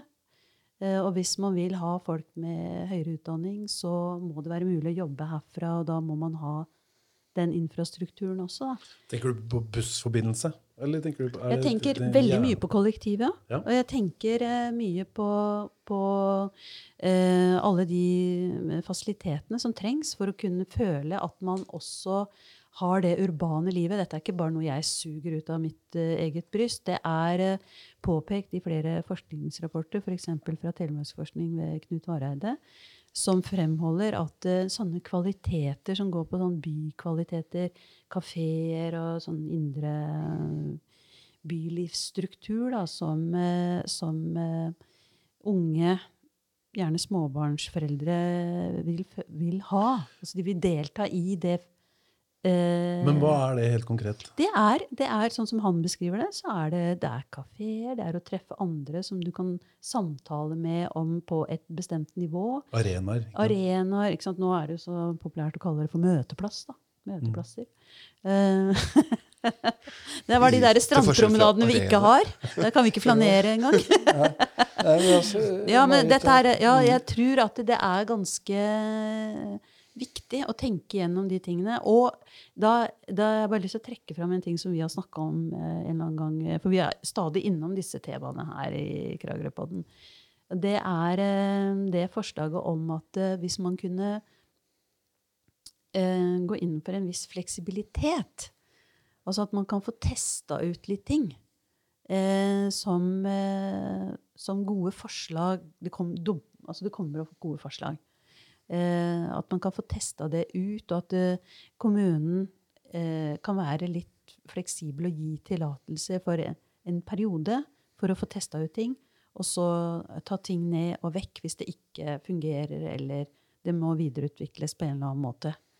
At det tror jeg hadde vært veldig spennende. At man eksperimenterer litt mer. Og ikke være så redd for det.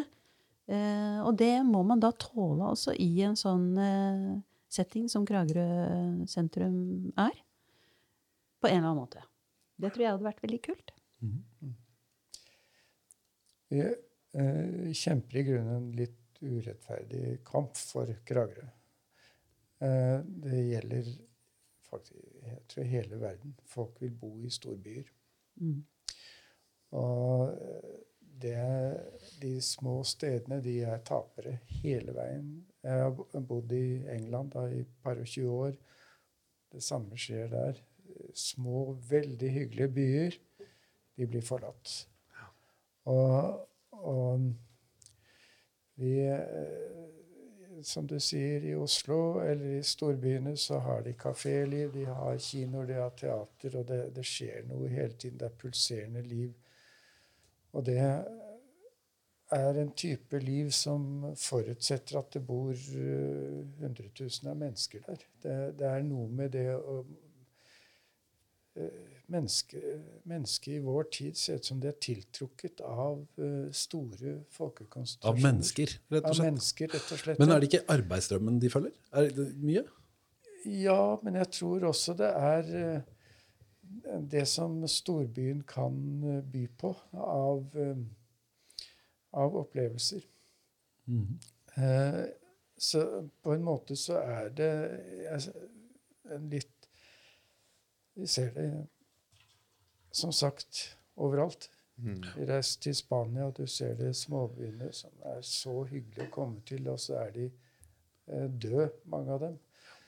Og, og det, så vi må eh, gjøre noe for det som du sa, Knut, dette med roen. Å finne eh, roen. Det er ikke perlen kanskje som er det viktigste lenger. Det er det å, at noen mennesker blir lei av storbylivet og søker den eh, kvaliteten som vi har klart å ta vare på i Kragerø.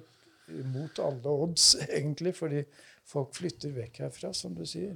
Jeg har, en, altså jeg har ofte stressa den kjensgjerningen, og det var jo 2011 som ver- verdens befolkning for første, Jeg tror det var 2011, det var et, et av disse åra eh, som eh, verdens befolkning for første gang eh, skifta, på den måten at det var flere som var bosatt i store, by, Ja. store byer enn ute på landet.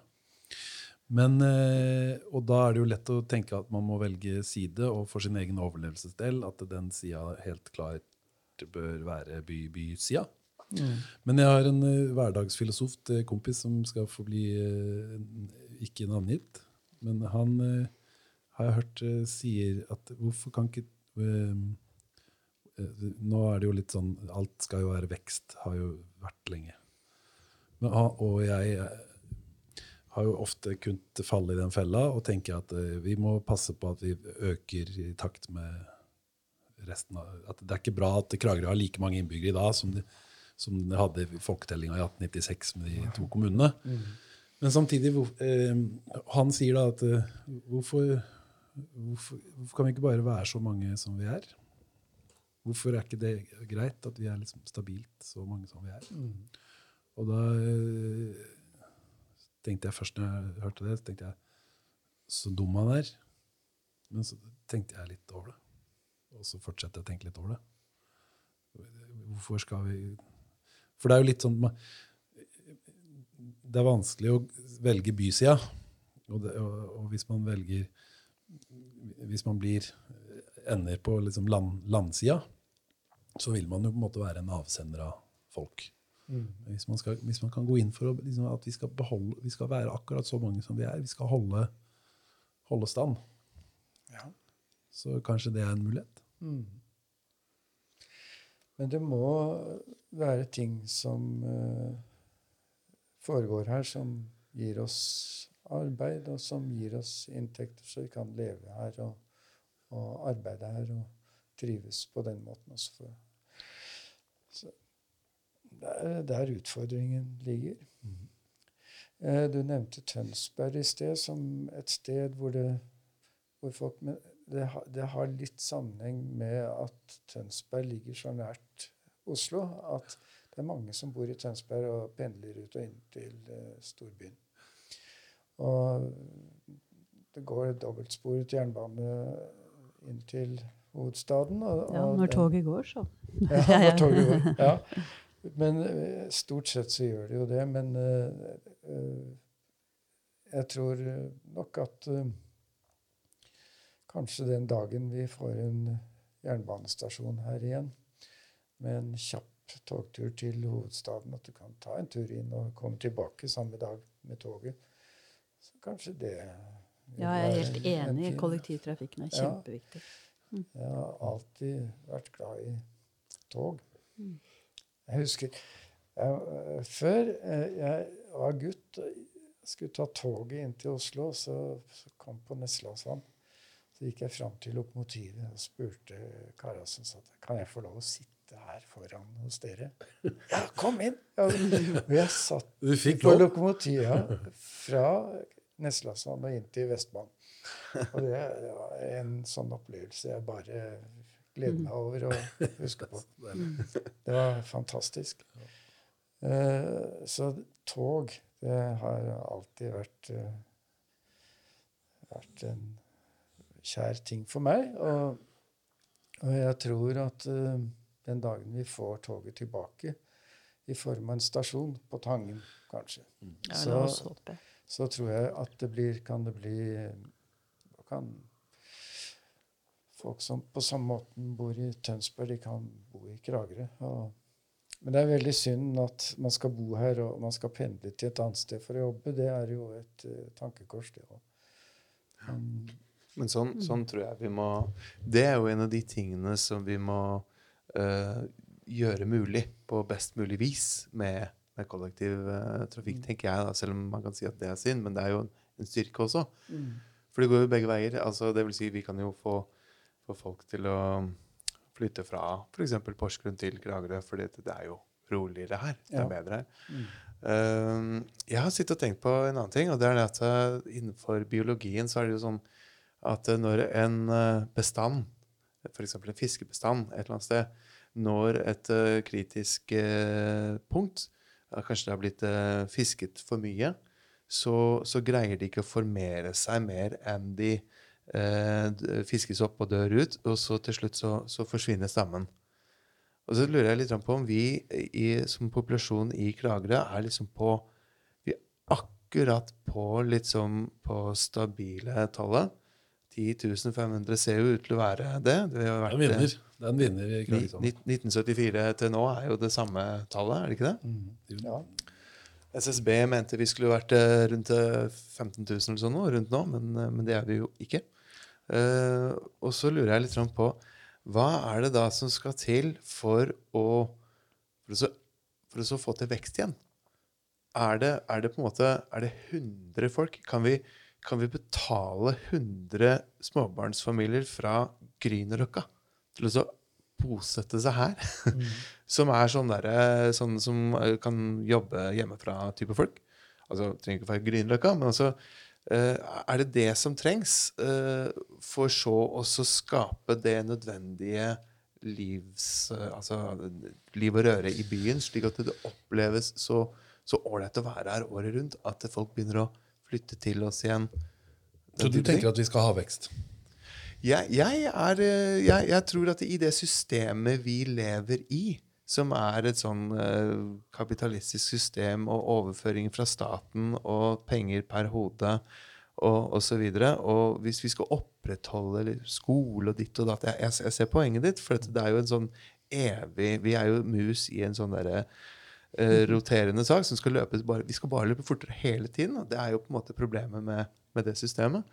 Men, og, det, og det kan man jo angripe. Man kan angripe systemet fremfor å eh, løpe så fort. Men det er jo veldig vanskelig for oss akkurat her og nå å fikse det. Det er sånn, det er sånn som uh, folk må fikse over 30 år for å endre, endre Norge på en måte, som system. Eh, og I mellomtiden så skal vi leve, da. Eh, det er jo utfordringen. Jeg er helt enig i det lange, langsiktige målet. burde jo være faktisk at vi eh, roer ned litt, og så prøver å så bare høste fruktene. Vi, vi ser jo hva vi gjør med verden. Så vi er jo i ferd med å, å løpe så fort at, eh, at jorda vår blir ødelagt eh, av det. Eh, og det er jo helt meningsløst. Eh, men men eh, ja, jeg, bare, jeg tenker litt på, på måte, hva, hva, er det, hva er det vi kan gjøre da, for å også, også få til en sånn eh, Ja, en slags uh, idé om at det er positivt å bo her. Uh, at det er denne vekst Altså, det, vekst, jeg, ja, vekst er Nå føler jeg at det ble et fælt ord. Det er et kjempefælt ord. liksom, Så. Ja, det er jo det, det Ja, hva- sånn språk som uh, de blå bruker. Jo, men det, det der er jo sånn, Vi snakker jo en del om markedsføring Ja. om dagen. Ja, ja visst. Og det er klart, altså For et sted Og det er jo et Det, det er mange aspekter ved, ved det her som man kan snakke om. Men et aspekt er jo altså for som, altså, For sommerbyen og destinasjonen Kragerø Hvis tanken er at man liksom eh, At eh, sommeren bygger på vinteren. Fordi altså, det folk besøker, det er bo, et, et, et bosted all vår sjarm og all, alt det vi er, hvis ikke man bare skal se på det som en holme i sjøen, som kunne vært hvor som helst, så må vi forutsette at folk kommer til Kragerø fordi at Kragerø er Kragerø. Og fordi at det har en identitet, og det har en sjel. Og den sjela bygger på fast bosetting og en kultur og en identitet som er bygd opp rundt det. Ergo eh, så eh, bygger sommeren, sommerproduktet som vi nå har, i all mulig forstand på vinteren. Og dermed så må, kan man ikke bare satse på sommeren på toppen, man må satse på beina og røttene under for at dette skal fortsette å funke og gi avkastning. Jorda og dyrkinga. For at det skal gi frukt. Det er en naturlig tankegang. Og for et sånt sted så blir det jo mer og mer av en bjørnetjeneste for hver altså, Hvem er det som ikke har opplevd å vært rundt omkring i Norge og sagt ja, jeg bor i Kragerø? Nå? Ja. På, på altså, går det an å bo hva? Skjer det noe der nå? Så for sommerbyen Kragerø å drive og fortsette å profilere seg som sommerbyen Kragerø, som destinasjonen Kragerø, som Norges Ibiza, eller på alle mulige måter som Kragerø altså man, Det blir en sånn eh, det, det er potensielt en kjempelang omvei markedsføringsmessig i forhold til det man egentlig ønsker seg. Det er en bjør, stor bjørnetjeneste man gjør seg sjøl med å fortsette dette maset om sommeren. Som gjør det utrolig vanskelig. Som gjør at Jeg, må jeg innbiller meg at noe er i ferd med å skje på det feltet, for jeg syns jeg ser uh, turister i Kragerø uh, nå på vinterstid også, som går eh, eh, bortover Bartebrygga sånn, snakker utenlandske språk og, og fotograferer og stopper og ser på de skiltene som står der, og leser. Det tror jeg er mye i sammenheng med kunstskolen eh, Det og de miljøene som kanskje. eh, tiltrekker seg folk. Men det, jeg syns Ja, også jeg har sett en del av det. Ja, jeg ser Og folk Du snakker om folk fra Porsgrunn. Kommer her i helgene, lørdager og handler og sånt noe. Det, det, det er en, en streng vi kan spille litt på. Jeg er selv oppvokst i Oslo, har bodd i 20 20 år i London, så jeg har storbylivet har jeg opplevd og har jeg i blod, på en måte. Men jeg, jeg er så glad for at jeg bor her nå. Og det, det er, det, jeg, det, jeg nyter hver dag. Og, og, og så, men så tenker jeg ja, ja, ok, du er en gammel mann og pensjonist, og pensjonistene kommer jo tilbake til det. så Det skal ikke bare være gråhåra folk så, og skalte folk som bor i byen her. Men eh, og så tenker jeg, tar jeg meg sjøl er, er det fordi jeg er blitt gammel at, eh, at jeg kan nyte det? Hadde jeg likt å bo her tidligere? Ja, så spør jeg meg sjøl om det. Ja, det hadde jeg. Jeg hadde likt å bo her tidligere. Selv om jeg har eh, bodd i storby. Jeg kunne godt ha tenkt meg å bo her eh, gjennom livet. Og, og, men det å finne da virksomhet å holde på med Jeg må jo jobbe med noe. Det, Hva ha noe å gjøre? jeg må ha noe å gjøre. Det er viktig. Men det, det har jeg aldri hatt noe problem med å bruke tida mi. Eh, så, men eh, Jeg tenkte på Du nevnte noe om at du eh, jobber jo med, med Kragerø faste billedgalleri. Du har en funksjon der. ja. Ja, eh, og, og at eh, eh, Jeg har forstått det sånn at du og dere som er der, jobber for oss å få til en, en fast institusjon, da. Som, eh, som da den, Da er det først og fremst for å vise eh, kunst fra tidligere tider. Er det ikke det? Eller?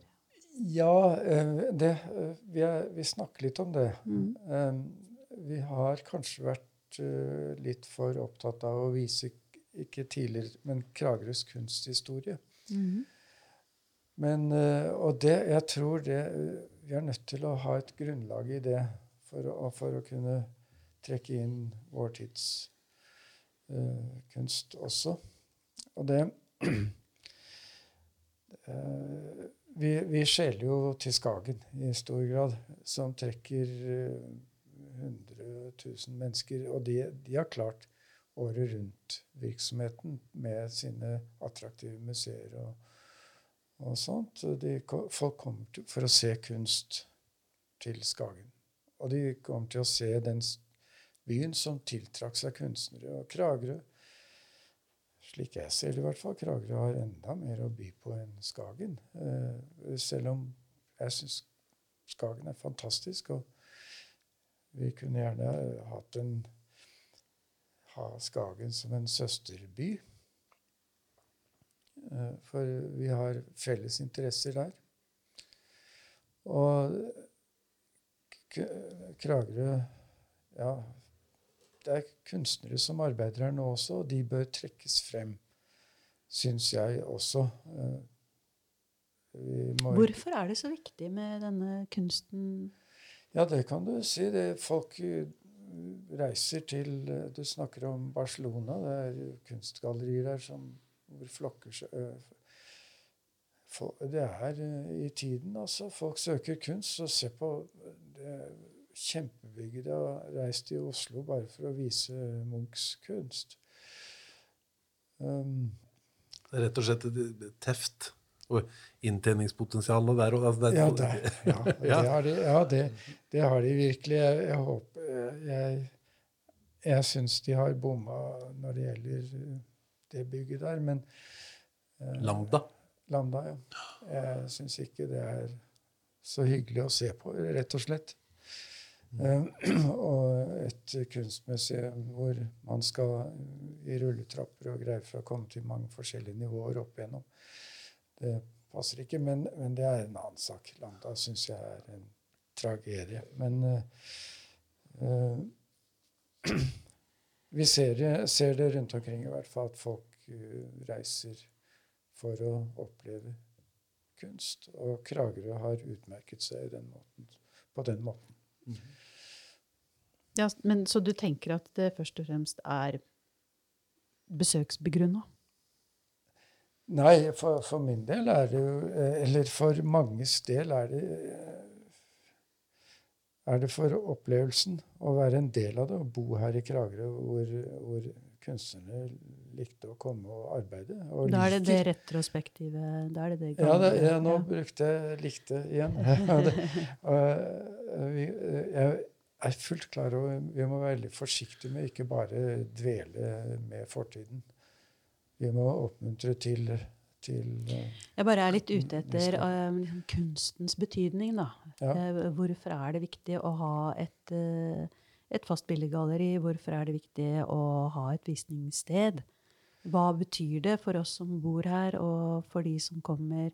Hva er det vi eh, Bortsett fra det å, å kunne si at ja, men jeg har vært på Luciana, eller jeg har vært på der Mm. eller der eller der, eller på, på et kunstmuseum i Kragerø. ja, Hvorfor betyr Ja, kunsten Ja, mye det var for litt oss? det, det jeg Mm. var ute etter. Ja.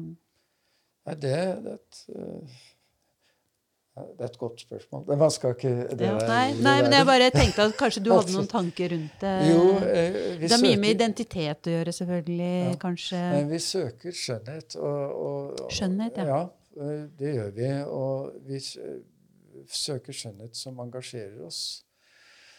Eh, Jeg tenker på, jeg har ennå ikke vært og sett Gernica, og det, det skal jeg gjøre.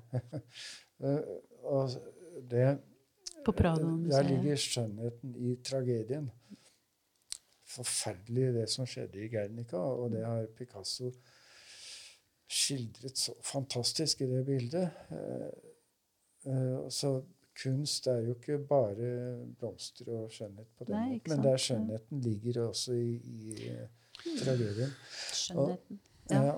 Men det, det er en annen ting også som er veldig viktig med, med kunst. Nå er jo jeg riktignok litt eh, Har en slagside til kunsten. ja. Men, eh, men ja eh, få høre. Det er Nei, og- men, men det er jo eh, det selvrefleksjonen i kunsten. Og for et sted som Kragerø altså Én ting er at det er uh, identitetsbetinga. At det er faktisk en kjensgjerning. At det, vi, vi har vært og til en viss grad er en, en kunstnerby av forskjellige grunner, og det kan man snakke om. Men så er det også det at det kunstnere gjør sin, med sine avbildninger og sitt arbeid i større eller mindre grad, det er eh, den samfunnets selvrefleksive side. Ikke sant? Det er jo det, det Det er sånn vi tenker over vår eksistens vår, eh, som, som samfunn. Ja. Det, eller det er en, en av måtene som man gjør det på. Mm. litteratur og, og, og kunst. Og, og eh, man er ganske heldig sånn, eh, på den måten. Altså, et, et samfunn er ganske heldig, dels fordi at man får eh, altså, Det avføder estetikk, eh, estetiske uttrykk. Eh, men, og ikoner. Altså, Bilder som er ikoniske. Eh, solen og, og eh, forskjellige bilder som, som, eh, som blir noe mer, som sier noe mer, og som uttrykker noe mer, står for noe mer. Men, eh, og, og, og i det så ligger det masse eh, som, som, som, tids, som sier noe om tida det, har oppstått i, og som kontekstualiserer ting, som relativiserer ting. Så, så det er helt avgjørende, til og med for de som driter i det, for å si det sånn. At eh, altså det, Man er veldig heldig, og i, vår tid så har vi også hatt og eh, Det er viktig å understreke, selv om det eh, igjen må jeg snakke om slagsida mi. Men det har vært, det er Kragerø-kunstnere som jobber ut fra byen. eh, Med byen som, som tematikk, og som, med byens identitet. Mm. På en helt annen og mye mer moderne, eh, tidsaktuell måte enn å stikke ut med, atelier, med staffliet i skjærgården og male et svaberg, Liksom. Og der må jeg fremheve Marius Setesdal. hans uh, Tangen- Tangen- Tangen-prosjektet hans, Mm, ja, som er flott. dokumentarisk, uh, fantastisk kunstverk. Uh, Mm. Hans, og d- fulgte opp med Kragerø, Minnesota, Mm. han dro til eh, Kragerø i, i USA. Ja. Og den måten, altså det er et konseptuelt verk. Altså jeg kjenner jo, kjenner jo Marius veldig godt, selvfølgelig, og jeg kjenner flere kunstnere, men det er flere som har gjort det. Mm. Og det, det er en luksus for et, eh, for et bitte lite lokal, lokalsamfunn, og det er ingen selvfølge. Mm. Og det er ikke mange steder som er det forunt på den måten. Samme måte Monica Lavold, som eh, skal stille ut på Vi skal stille ut på Kragerø-instituttet i sommer. Hadde en eh, Ikke sant? Yeah! Kom en eh, bestilling fra sidelinja. Vi hadde, vi, hun hadde en, et lite kort opphold som følge av et godt kommunalt initiativ i, i Kragerø.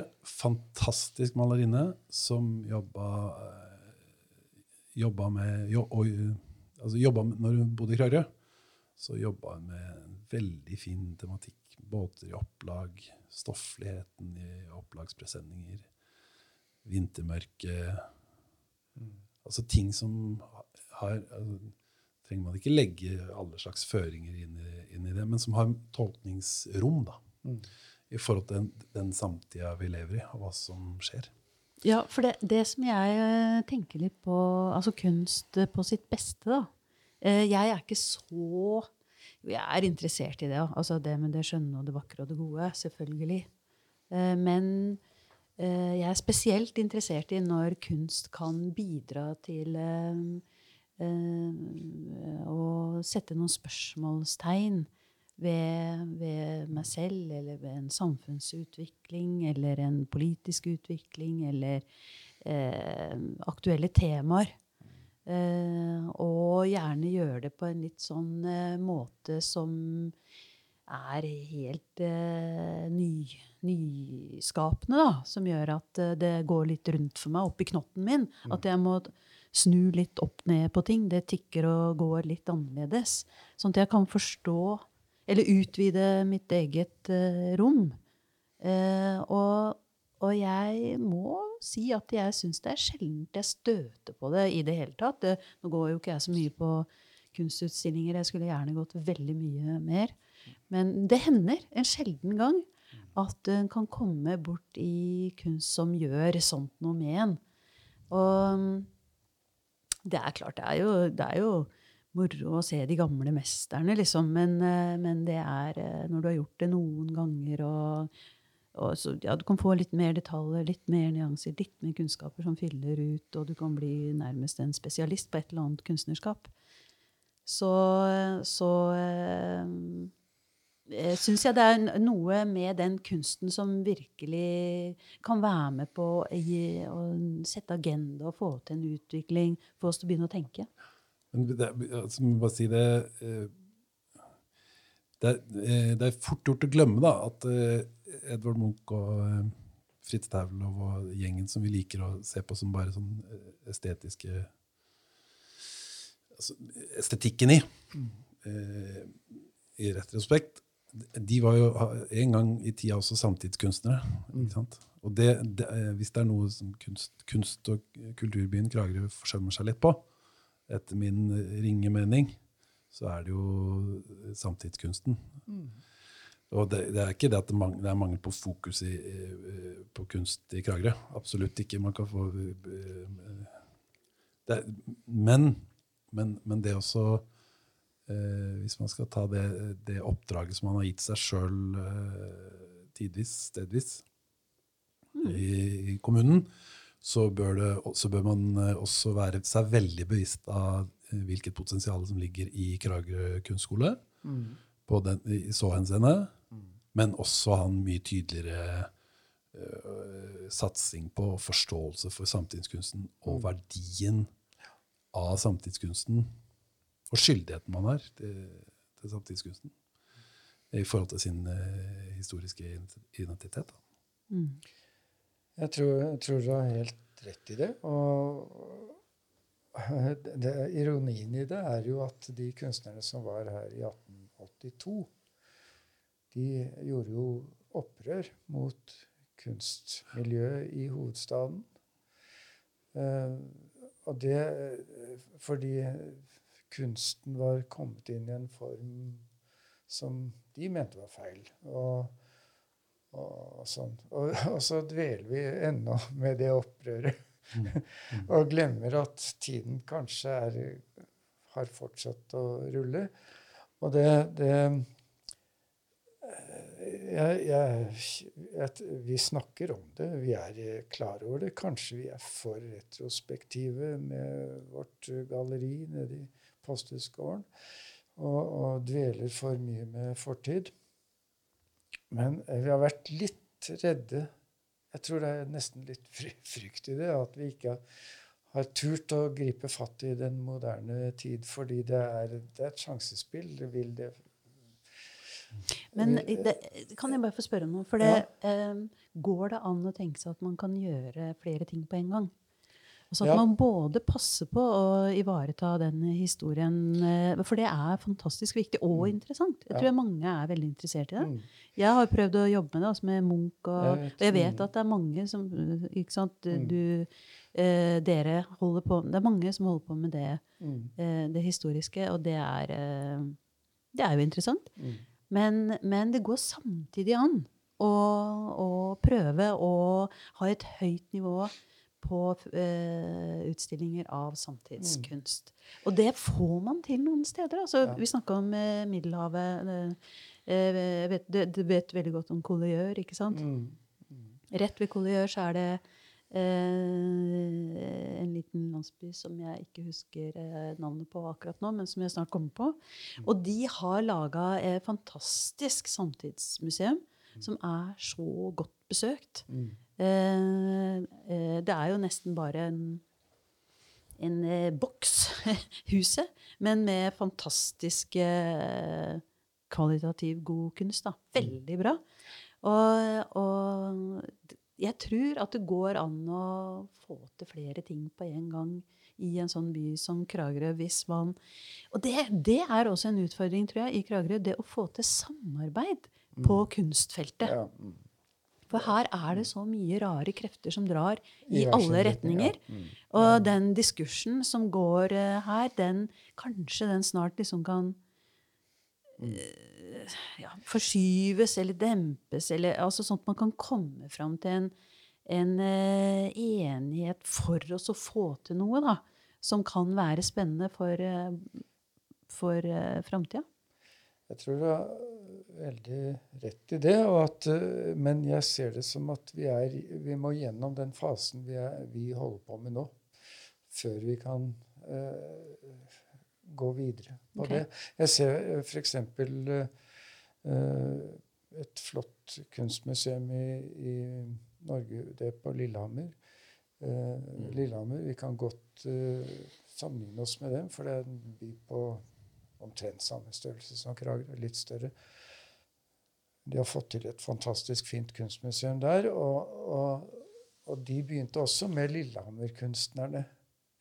Og, og, Lars Jorde og, og, mm. sånn at man eh, bygde. Men mm. i dag, om du kommer dit, så, så har de fotografi, Uh, blant annet, er uh, kommet inn der, som du nevner. Og, så, jeg, og jeg tror Jeg ser det slik at nå kunst er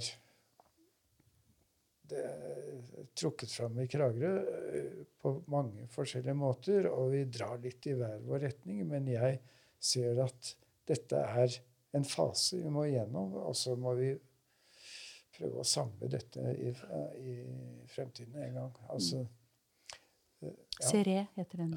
Verdt å nevne nevne at uh, Kunstmuseet Lillehammer er et fantastisk moderne byggverk. Ja, ikke sant? Som passer mm.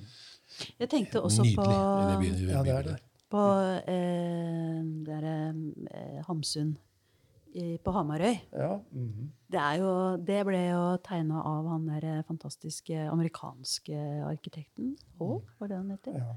Eh, som er jo bare så ja, fantastisk det, fint. Mm, eh, og der presenteres jo eh, Hamsuns eh, kunstnerskap. Mm. Ja. men på, i, den, i disse fantastiske moderne rammene. Og man viser eh, samtidig eh, blir, altså Litteraturen hans blir satt inn i samtidig kontekst. da. Det er så bra. Hva, Knut, du, er, har du tenkt at Ja, vi må for, for nå, nå har jeg lyst til å si noe. Ja. Eh, jeg er her, jeg også. Ja, ja, men jeg bare tenker at, det, at det veldig ofte så prater vi om disse store navnene. Vi snakker om eh, Hamsun og Munch, og vi snakker om Picasso. Og, og, det jeg lurer litt på, er på en måte hva slags verdi Sagt på en annen måte, da. Hvis du som nå Er du leder for eh, Kragerø faste Jeg er billedgalleri? ikke leder, er eh, med i styret. Med i styret. Ja. Så, så hvis styret i Kragerø faste billedgalleri hadde uh, mottatt penger fra en rik onkel eller uh, onkeline, holdt jeg på å si, en tante, om um, Onkel Linne? Ja, Den så, så, så kan Daniel brukte ordet malerinne her i stad. Jeg hørte det. Jeg synes det var herlig. Hva er det for noe, liksom? ja, men Vi kan lage nye ord. Det er helt fint, det. Men så er veldig gammelt. poenget mitt er at, det, at det, sett at, sett at, at øh, det nå plutselig kom eh, 10 millioner kroner hvert år i ti år fremover til eh, bruk på stipender.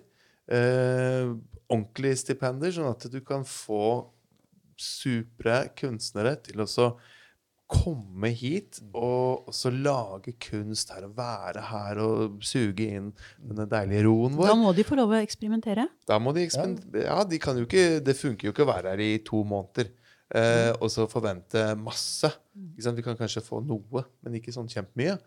Eh, og da det, er det en fremgangsmåte. For litt det, det jeg tenker på, er det at eh, vi eh, vi kunne kanskje fått disse her aller største stjernene, da. Ikke sant? Hvis vi hadde en million å slenge på bordet som de kan bo her i to år eh, ikke sant? og tre år og sånn, og du kan bo i dette fantastiske huset her, og nå skal du bare male som pokker. jeg må skyte inn noe kjapt der. Altså for at, og det er ganske typisk òg, for at den utviklinga du ser i Kragerø så får du, altså Galleri Nikoline, kjempefin jobb. Ja, Gode gallerister, flinke til å ta vare på kunstnerne sine. Skjønner, at, eh, skjønner hva det å drive galleri er. Men så får du også den Vi har de største navna. Vi har Sverre Korn Bjartnes uh, nede på kaia sammen med, sammen med uh, Bjarne Melgaard. Bare vi har det i verste form. Altså har, og det er ganske typisk for hva, for hva vi driver med. De sender ned noen papirer, og så smukler de ut, og så kjøper folk de og har det på hyttene. Men det, eh, i forhold til den utviklinga der, og det som du beskriver der, drømmescenario selvfølgelig, men da må det, det må begynne med at Kragerø kommune og vi folk som er her, skjønner verdien som ligger i den kunstskolen vi har skapt. Der, det er liksom Det er det er det første altså Hvis man da i forbindelse med en sånn kunstskole som er helt fantastisk, sa jeg det i stad? Den var helt fantastisk? Du nevnte noe sånt. har absolutt vært inne på det. Um, så eh, kan man ikke gjøre det sånn at man eh, ved innfallsmetoden på udemokratisk og eh, ikke i henhold til protokoll sier at nå hever vi husleia med fire ganger, og så får man smekk etterpå av kommunedirektøren. fordi at det, dette var ikke i henhold til protokoll. eh, Det kan vi ikke gjøre. Så eh, eh, da er det også liksom ett steg fram. 356 steg tilbake. Takk skal du ha, eh, Kragerø kommune og Frp. Men, ja. Altså, jeg, jeg er totalt enig med deg, Daniel. Jeg har bare lyst til å komme med én ting til eh, nå. For det eh, med alle land, eh, som har eh, blitt kasta over bordet her, så er eh, det har vært så å si bare menn. Eh, og det, altså når det gjelder eh, eksempler på kunstnere Det er, Enten det er historiske eller de er eh, nålevende, så har vi bare snakka om menn. Det var én kvinne som ble nevnt her eh, tidligere, men da stort sett bare menn. Og det, det tror jeg også er ganske viktig, særlig i forhold til samtidskunsten. At eh, eh, det er mange strålende norske Jeg nevnte Monica Lavoll i stad. ja, du så gjorde jeg det. har veldig god ja, samvittighet. ja. Så, men eh, det er viktig også å holde frem eh, de kvinnelige kunstnerne, tror jeg. Mm. Eller jeg, jeg, det er ikke bare tror jeg, det er det. La meg slå det fast. Nå har jeg lyst til å føye til også at eh, Marit Larland er programleder for en annen podkast som heter Kvinnenemnda. Og det er en feministpodkast, og den er meget bra. Og der kan du sikkert prate mye om det, nettopp sånne ting, vil jeg tro. Ja, ja, ja. Det, Er det- er ja, det det vi, er, vi er jo veldig opptatt av makt, uh, maktstrukturer. Og språk er jo makt. Og uh, i en sånn diskusjon som dette, f.eks., når eh, vi snakker om kunst, og vi bare trekker frem eh, menn, Ja. eller stort sett bare menn eh, Jeg trodde dette var en samtale, men Nei, nei, unnskyld meg. Ja, men, eh, Marit, du har så rett, så rett. Og det, jeg tar gjerne av det inn i min tankegang. Ja, men det gjelder meg selv også. Ja, det, og det, det er viktig, og derfor uh, i Kragerø Fastebilgalleri, for å si litt positivt om dem, da, at, eller oss, at vi hadde en uh, utstilling for tre, to, og- to år siden med kvinnelige kunstnere. Og det er kanskje den uh, mest vellykkede kunst, uh, utstillingen vi har hatt eh, i vår femårige historie. Eh, folk strømmer til for å se hva kvinner har utført i kunsten. Og det er også retrospektivt. Det var tidligere Uh, Mm. kunstnere som har arbeidet i Kragerø. Dere har jo gjort en kjempejobb. Altså det, Ja, ikke, skal ikke, det skal man ikke på alle mulige måter. Og er jo et veldig fint uh, tilskudd i, i kunstlivet i Kragerø. Jo, takk for det. Men, men jeg, jeg ser det poenget at vi, vi må utvikle oss videre. Kunsten er, har aldri vært statisk.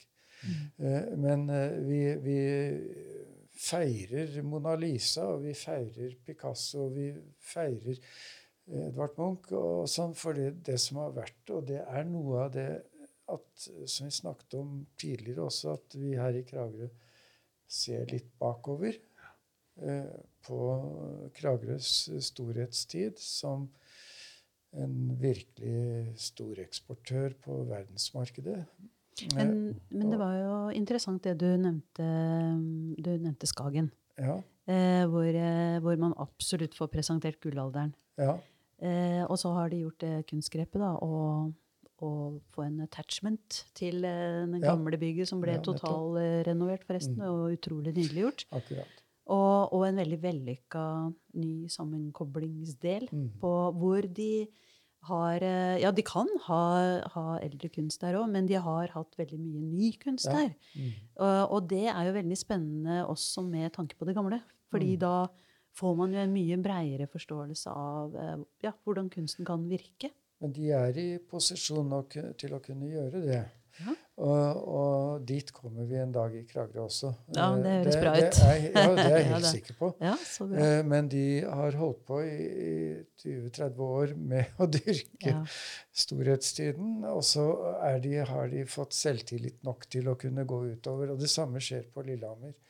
Og, og på Blåfarverket eh, også, for, for, som er også en, et forbilde for oss. Og jeg tror at Kragerø vil komme dit. Altså, vi har, vi har hatt kontakt med alle de tre museene vi har nevnt, eh, som jeg nevnte nå. Og de har vært gjennom den fasen vi er i nå. Eh, og det er blitt større. Hvilket tidsperspektiv er det du ser for deg? Eller har du ikke Nei, noe nei, det har jeg ikke. Nei, nei. Eh, men det kan komme etter min tid. Men jeg, jeg tror at, at det, Jeg er helt sikker på at det kommer. Men at, eh, at det å opparbeide uh, Kragerø som en kunstby Vi er nødt til å, å ha det fundamentet at det, det, det Det høres ut som en veldig sånn langsiktig, god strategi. Og det er, er for meg så er det betryggende å høre. Jeg blir rolig inni meg Ja, nok en jo, gang. men det, jeg ser det sånn. Og jeg, og jeg tror uh, Jeg skal ikke snakke for alle oss som sitter i styret. Vi er fem stykker, men jeg tror vi har det perspektivet alle sammen. At, eh, at vi ser at det, det, det må drives Mm. videre. Vi kan ikke stivne hendene i, i eh, eh, Fritz Taulov og Edvard Munch og, og sånn. Vi må gå videre. Men de er fundamentet. Og det, samme, det ser vi i, i de store kunst- eller kulturlandene Frankrike, Italia, eh, Spania eh, og, og Tyskland, at de, de, de hviler på de gamle Skuldrene til ja, gigantene. Det er, det er, det er gigantene. I, det er fundamentet. Mm. Og, og så, og så kan, har, får man selvtillit til å drive det litt lenger. Jeg, jeg, jeg tror på det. Strålende. Ja, det syns jeg høres veldig interessant ut. Ja. Jeg håper at dere er eh, Og også at dere er eh, eh, ikke redde for oss å stå på, og, dere, og er ekspansive. Og Mm. at dere er litt fordrende overfor bevilgende myndigheter. Mm. Og, og sier Altså, vær klar over, det er dere jo, Mm. den arven som er her, og at dette må gjøres noe med. Det er en offentlig oppgave. Ja. Og selv om man kan gå til rike onkler Inner eller eh, et eller annet tanter eller noe sånt noe, Ja. eh, for å få til en Tantor. Ja. Tantiner. Så, så, eh, så tror jeg at eh, altså det er en så utrolig viktig del av, eh, av et sånt sted som Kragerø. Og folk vil ha det. Jeg er helt totalt enig med deg i de eh, observasjonene om at folk strømmer jo til. Ja. Og det vises det på gang på gang på gang på gang. Og den mistanken, den mistroen til at dette ikke vil være av interesse, den bør parkeres en Ja. gang for alle. Ja. Nå, vi, nå ser vi det i Oslo. Gigantiske Lambda, gigantiske nye Nasjonalmuseet. Eh, Deichmanske Altså, det ligger på rekke og rad, og de gjør kjempeinvesteringer. Og det kommer til å komme masse folk, og det, de står i kø for å vente på å komme inn.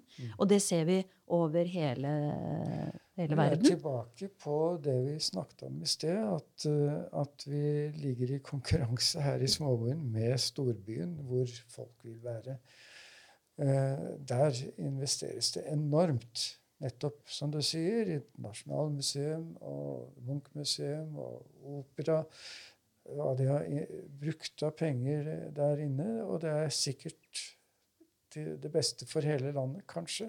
Men vi sliter jo, vi som prøver å få til noe ute i de små Jo, stedene. men de får til mye Ja, bra rundt omkring. Ja eh, og jeg er helt overbevist om at eh, det kan man få til her også. Men jeg Ja. tror eh, Det er min eh, personlige mm, refleksjon rundt det. At eh, eh, det trengs et, eh, et bredere samarbeid Mm. mellom de, som er på kunstfeltet. Mm. For det er mye sånn rare greier som foregår. Det det.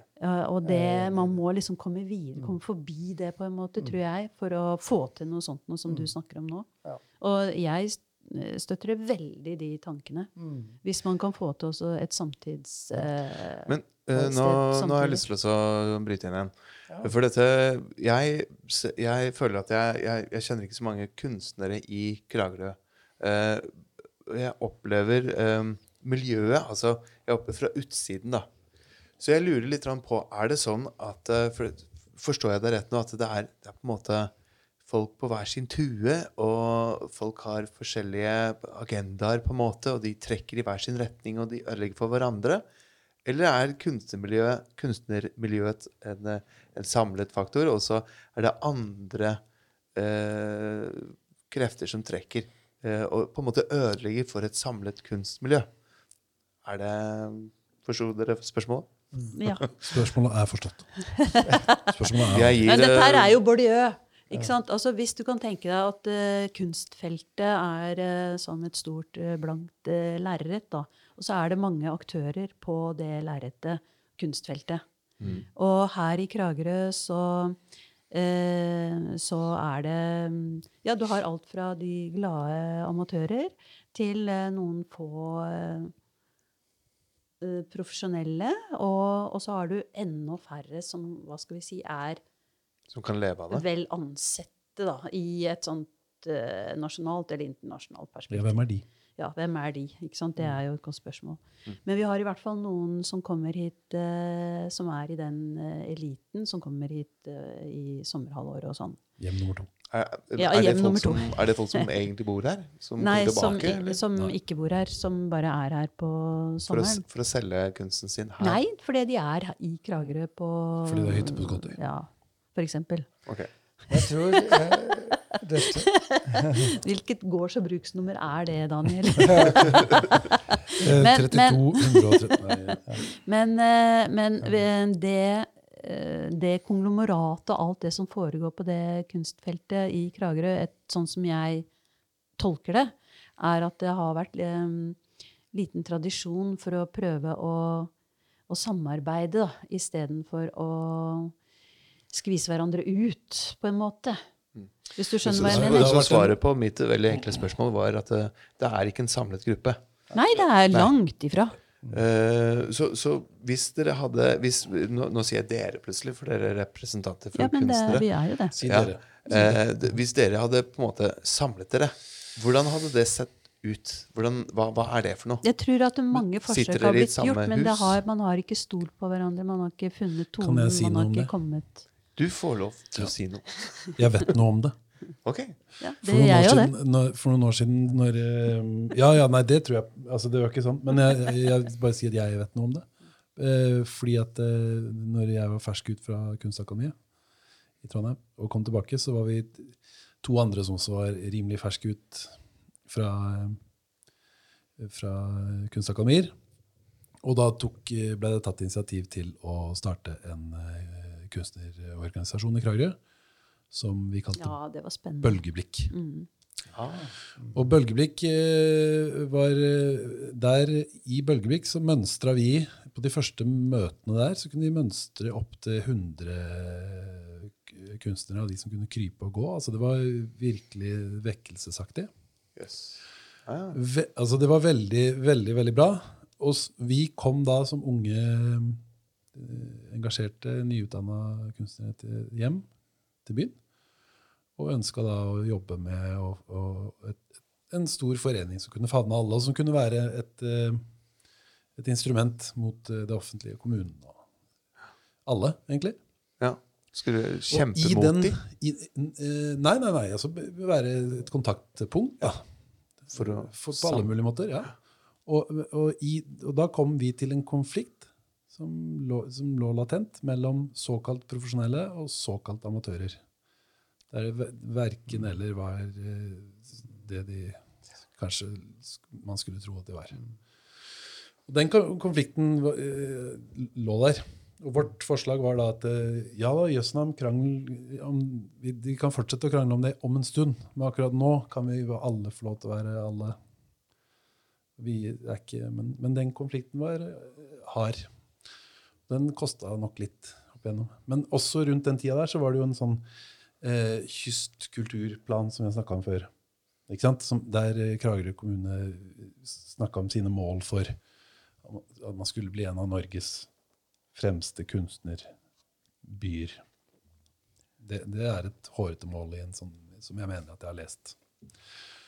Og der, I den forbindelse så har man Jeg tror at det handler veldig mye om forståelse. da. Jeg tror det handler veldig mye om forståelse for hva man har. Og, eh, og i forhold til den der profesjonelle amatørdebatten som har vært i Kragerø, så har jo kritikken ofte handla om at det har vært for stort fokus på de, prof, altså på de prof, såkalt profesjonelle. Og at det har vært en for spissa. At det er for, for elitistisk og for ikke sant? Mens eh, min påstand er at eh, bredde, bredden det, det ikke, har ikke vært problemet i Kragerø. Bredden i kunsten. Det er, det, det, har vært, den har vært veldig bred. Men vi har, vi har ikke Hvis vi skal være en av Norges fremste kunstner, eh, kunstnerkommuner, så har vi spilt i femtedivisjon avdeling B. Det er så høyt vi har kommet. Mens hvis vi skal være en av Norges fremste kunstnerkommuner, så må vi ta sikte på Eliteserien.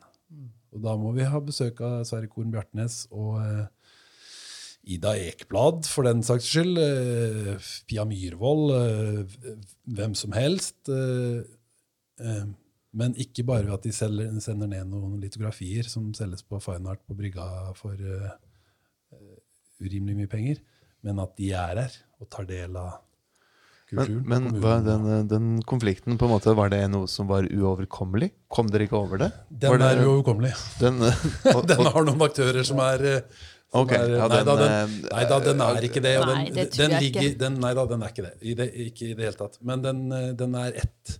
Den er, den er et eksempel på noen som har ridd f.eks. Kragerø kommunes eh, elitesatsing, da, for å si det sånn, på kunstfeltet. Ja, ja, ja. I Jomfruansutstillinga. Opp og ned og fram og tilbake i mente i alle år. Så, så, så hvis det, dere hadde lykkes, så hadde dere kunstnerne fremstått som ett miljø, og så hadde dere eh, kjempet gjennom en, eh, en mye bredere satsing, og så hadde Kragerø produsert langt flere En vakker eh, historie, det der. Ja, Det men, en var det målet, eller var det tanken? Nei, ja, På en måte så var det tanken, men samtidig så kan du jo si at kunst lever veldig godt med litt krangling, altså. Ja. Vi treng, ja, jo, men vi Ja, ja, trenger jo det. det. Det er veldig bra, Det det. er ikke kontrovers som det- skal alltid komme. Jo, men det, det må de være det. Så det, det trengs det, og det er det kunsten lever av. ikke sant? Altså, kunsten uttrykk, og så jager teorien etter. Og så er det hele tida uenig. Hva er kunst? Det er det beste som kan skje, er at vi lurer på Nei, men det er jo ikke kunst. Jo, ja, men eh, hvorfor ikke? Hvorfor altså, snakker vi om det? Og så blir det bra. Men eh, det må være en forståelse et eller annet sted som gjør at du kan at du har bredde og dybde og høyde. Foreløpig i Kragerø har det vært bredde. alle, tante, alle i eh, fotballen eh, vet dette her. Det, for å få noen gode, småmann. onkel som skal finne seg sjøl med å male og klatte farge på, som det er kjempetopp. Altså, det er veldig, veldig bra. Det er veldig bra at de gjør det. De må få lov. Men så må, så kan det ikke være, så må det ikke være noe gærent hvis det kommer en som har gått på syv år på et akademi, og som driver med noe helt eh, totalt merkelig rare ting og får et stipend et eller annet sted fra, og gjør noe som 70 millioner mennesker i Japan syns er det mest geniale. altså det, det, er også, det må også være rom for de. Det skal ikke bare være maleklubb. Ikke at det bare har vært det. Men det, selv de som man liksom har tenkt er førstedivisjon i Kragerø, har, er på en måte altså, div, Divisjonsinndelinga er litt interessant i norsk kunst. For du har på en måte en slags førstedivisjon med, med kunstforeningskunstnere, sånn som jeg ser det. Det her er bare en vill påstand fra hofta. Men der du har kunstnere som er vant til å stille ut i kunstforeninger, og som dermed har et stort kunstforeningsnavn, eller som, er, som har et stort og, altså, selger bra ja, i du, altså, sånne Kunstnere som stiller ut på Galleri Nic- hus, de er flinke kunstnere altså, som har store navn, men de er ikke De er ikke mm, Eliteserien nødvendigvis. Så de er en god førstedivisjon, men de er ikke Eliteserien nødvendigvis, hvis man skal vil, er min påstand. Ja, det er jo det, jeg tror det med kunstfeltet er veldig komplisert, og at man må eh, komme innafor det på en måte for å forstå de, eh, de mekanismene og, og hvordan det fungerer, og hvem som befinner seg hvor i systemet. Uh, og jeg eh, lærer i hvert fall veldig mye. Jeg har lært eh, ganske mye om teorien, men eh, lærer veldig mye praksis nå når jeg driver Kragerø-instituttet. Det syns jeg er moro. Interessant å se hvordan det fungerer. Men, jeg, men tilbake til dette her med, med mm, eh, det som dere holder på med, med å prøve å på lang sikt å få til et fast billedgalleri. Eh, Det kan jo hende at det forresten ikke bare behøver å være billig. Eh, Det kan jo hende at det kan være andre ja, kunstarter. tror Altså, Bildegalleri kanskje er feil. eh, Kanskje det er Det begrepet arvet vi og tok, Ja. plukket opp igjen. Ja. Men kanskje det bør hete noe annet i fremtiden. Ja. Men jeg, jeg, jeg men det er en veldig god idé, det dere holder på med. Jeg håper veldig at dere klarer å, å få til de ambisiøse måla. Det håper jeg òg. Mhm. Men det, det jeg ser eh, Altså, kunsten har eksistert i Kragerø. Det som er nytt nå, det er at vi prøver å markedsføre Kragerø som en kunstnerby. For å trekke folk hit for å komme og se kunsten her. Det, det, det, det har ikke vært lagt noe særlig vekt på før. Det er en ny ting at det skal være noe for publikum og en del av underholdningen, for å si det sånn, for dem som besøker Kragerø. Og det, det er nytt. Og der er du inne på dette med Du nevnte fotball, og du har snakket om førstedivisjon og sånt nå. Det, I sporten så er det jo slik at publikum kommer jo bare for å se, se de store stjernene. Proff, eh, det er det som trekker folk. Det er en sørgelig ting. For det, det, det som du er inne på, Daniel, at det er bredden, og, det, det er det er ikke nødvendigvis bare i førstedivisjonen at vi finner de gode talentene. Og det er jeg helt enig med deg, de fins. Men det er så er det markedet igjen, da. eh, Hvis vi skal bruke det uttrykket. Jo, men man Eh. kan jo tenke seg altså Jeg mener, har du Hvis du var Når du var barn eller Ja. ungdom og så f.eks. Eh, ting av Leonardo da Vinci, så er jo det en ansporelse til wow. Ja. Fantastisk. Ja. Så du blir interessert i kunst. Og det samme med, med ja, en Edvard Munch eller Det er jo bare Åh, åh, Og så bare, han var her, og han laga det og det og det. Oi! Sånn at du går og ser på det, og så har du rett ved siden av så har du eh, noe som er eh, samtiden, da. Ja. Og som Åh, er det mulig? Som blir satt inn i en helt eh, Lotte Konow Lund etter 22. juli. Altså, og når Inger Skitters eh, fantastiske ting eh, fra Y-blokka kom opp på veggene på Henny Jonstad-senteret, det er jo bare helt ny forståelse av eh, alt sammen. Og det er samtidskunst. Det er, eh, du blir helt bergtatt. eh, Og det, det henger jo sammen med at du på et eller annet tidspunkt tidligere har fått en inspira... Eller fått en Ja. Opplevd noe med kunsten tidligere da, som gjør at man går og ser videre, på en Ja. måte. Mm. Jeg tror det bare er litt så dumt, jeg. At eh, Ja, når du ser eh, Jeg tenker veldig ofte på Leonardo da Vincis den eh, med den der kroppen Ja. som står ut. Eh, og, og, og ja, det er et system. Det er sånn det er, Ikke sant? Det er, det er så interessant. Mm. Den matematiske Ja, og det appellerer til så mange sider, og det er veldig, veldig enkelt, naivt. Men det var jo selvfølgelig ikke det. Men, men det er sånn vi funker, tror jeg. At vi blir inspirert av, Mm. Av, eh, av forskjellige ting. Og det er mye bra i det gamle. Mm. Det er det. Ja. Det Men det utelukker ikke hverandre. Nei. Det gamle er grunnlaget, og det som det springer ut av, eh, det nye. Det er jo eh, Altså, jeg tenker bakover Vi kan gå helt tilbake til hulemaleriene. Mm. At eh, det, menneskene har hatt behov for å, å lage bilder. Uh, Har du ser- vært i noen av disse hulene? Nei, det har jeg ikke. Jeg har bare sett det på bilder. Mm. Dessverre. Men jeg har sett eh, Jeg var i Alta og så uh, de bildene i stein der som noen av våre forfedre har gjort. Altså, det er bare det er helt fantastisk, egentlig, å tenke på at man laget bilder av det man var opptatt av. Eh, Det var sikkert så praktisk som at man eh, lagde bilder av det man ønsket, trengte. Mat, uh, reinsdyr, ikke sant? Og, og, og sånn. Men, eh, men det, så menneskene har alltid hatt behov for å, å skape kunst. På, eh, vi kan kalle det kunst, da. Fra hullmaleri og steinbildene og helleristningene. Og, og til eh, Og gjennom romerne med skulpturene og, og, og så videre opp gjennom hele veien. Du som er historiker, hvilken, eh, har du en, en sånn tidsperiode som du er eh, spesielt interessert i, bortsett fra gullalderen her i Kragerø? Det er vanskelig å si. Det syns jeg det, Jeg blir fascinert når jeg ser eh, menneskelig skaperglede uansett. Altså. Det, det, da kan vi begynne med å gå på Akropolis og se søyler og arkitektur. Eh, det, er, altså, det er fantastisk. Og det, eh, det som skjedde der, da var ikke Kragerø påtenkt engang. Så, så vi, vi var, var liksom Vi er etter, kommer jo etter, eh, diltende etter her nord, da, for å si det sånn. Så, men ja. ja.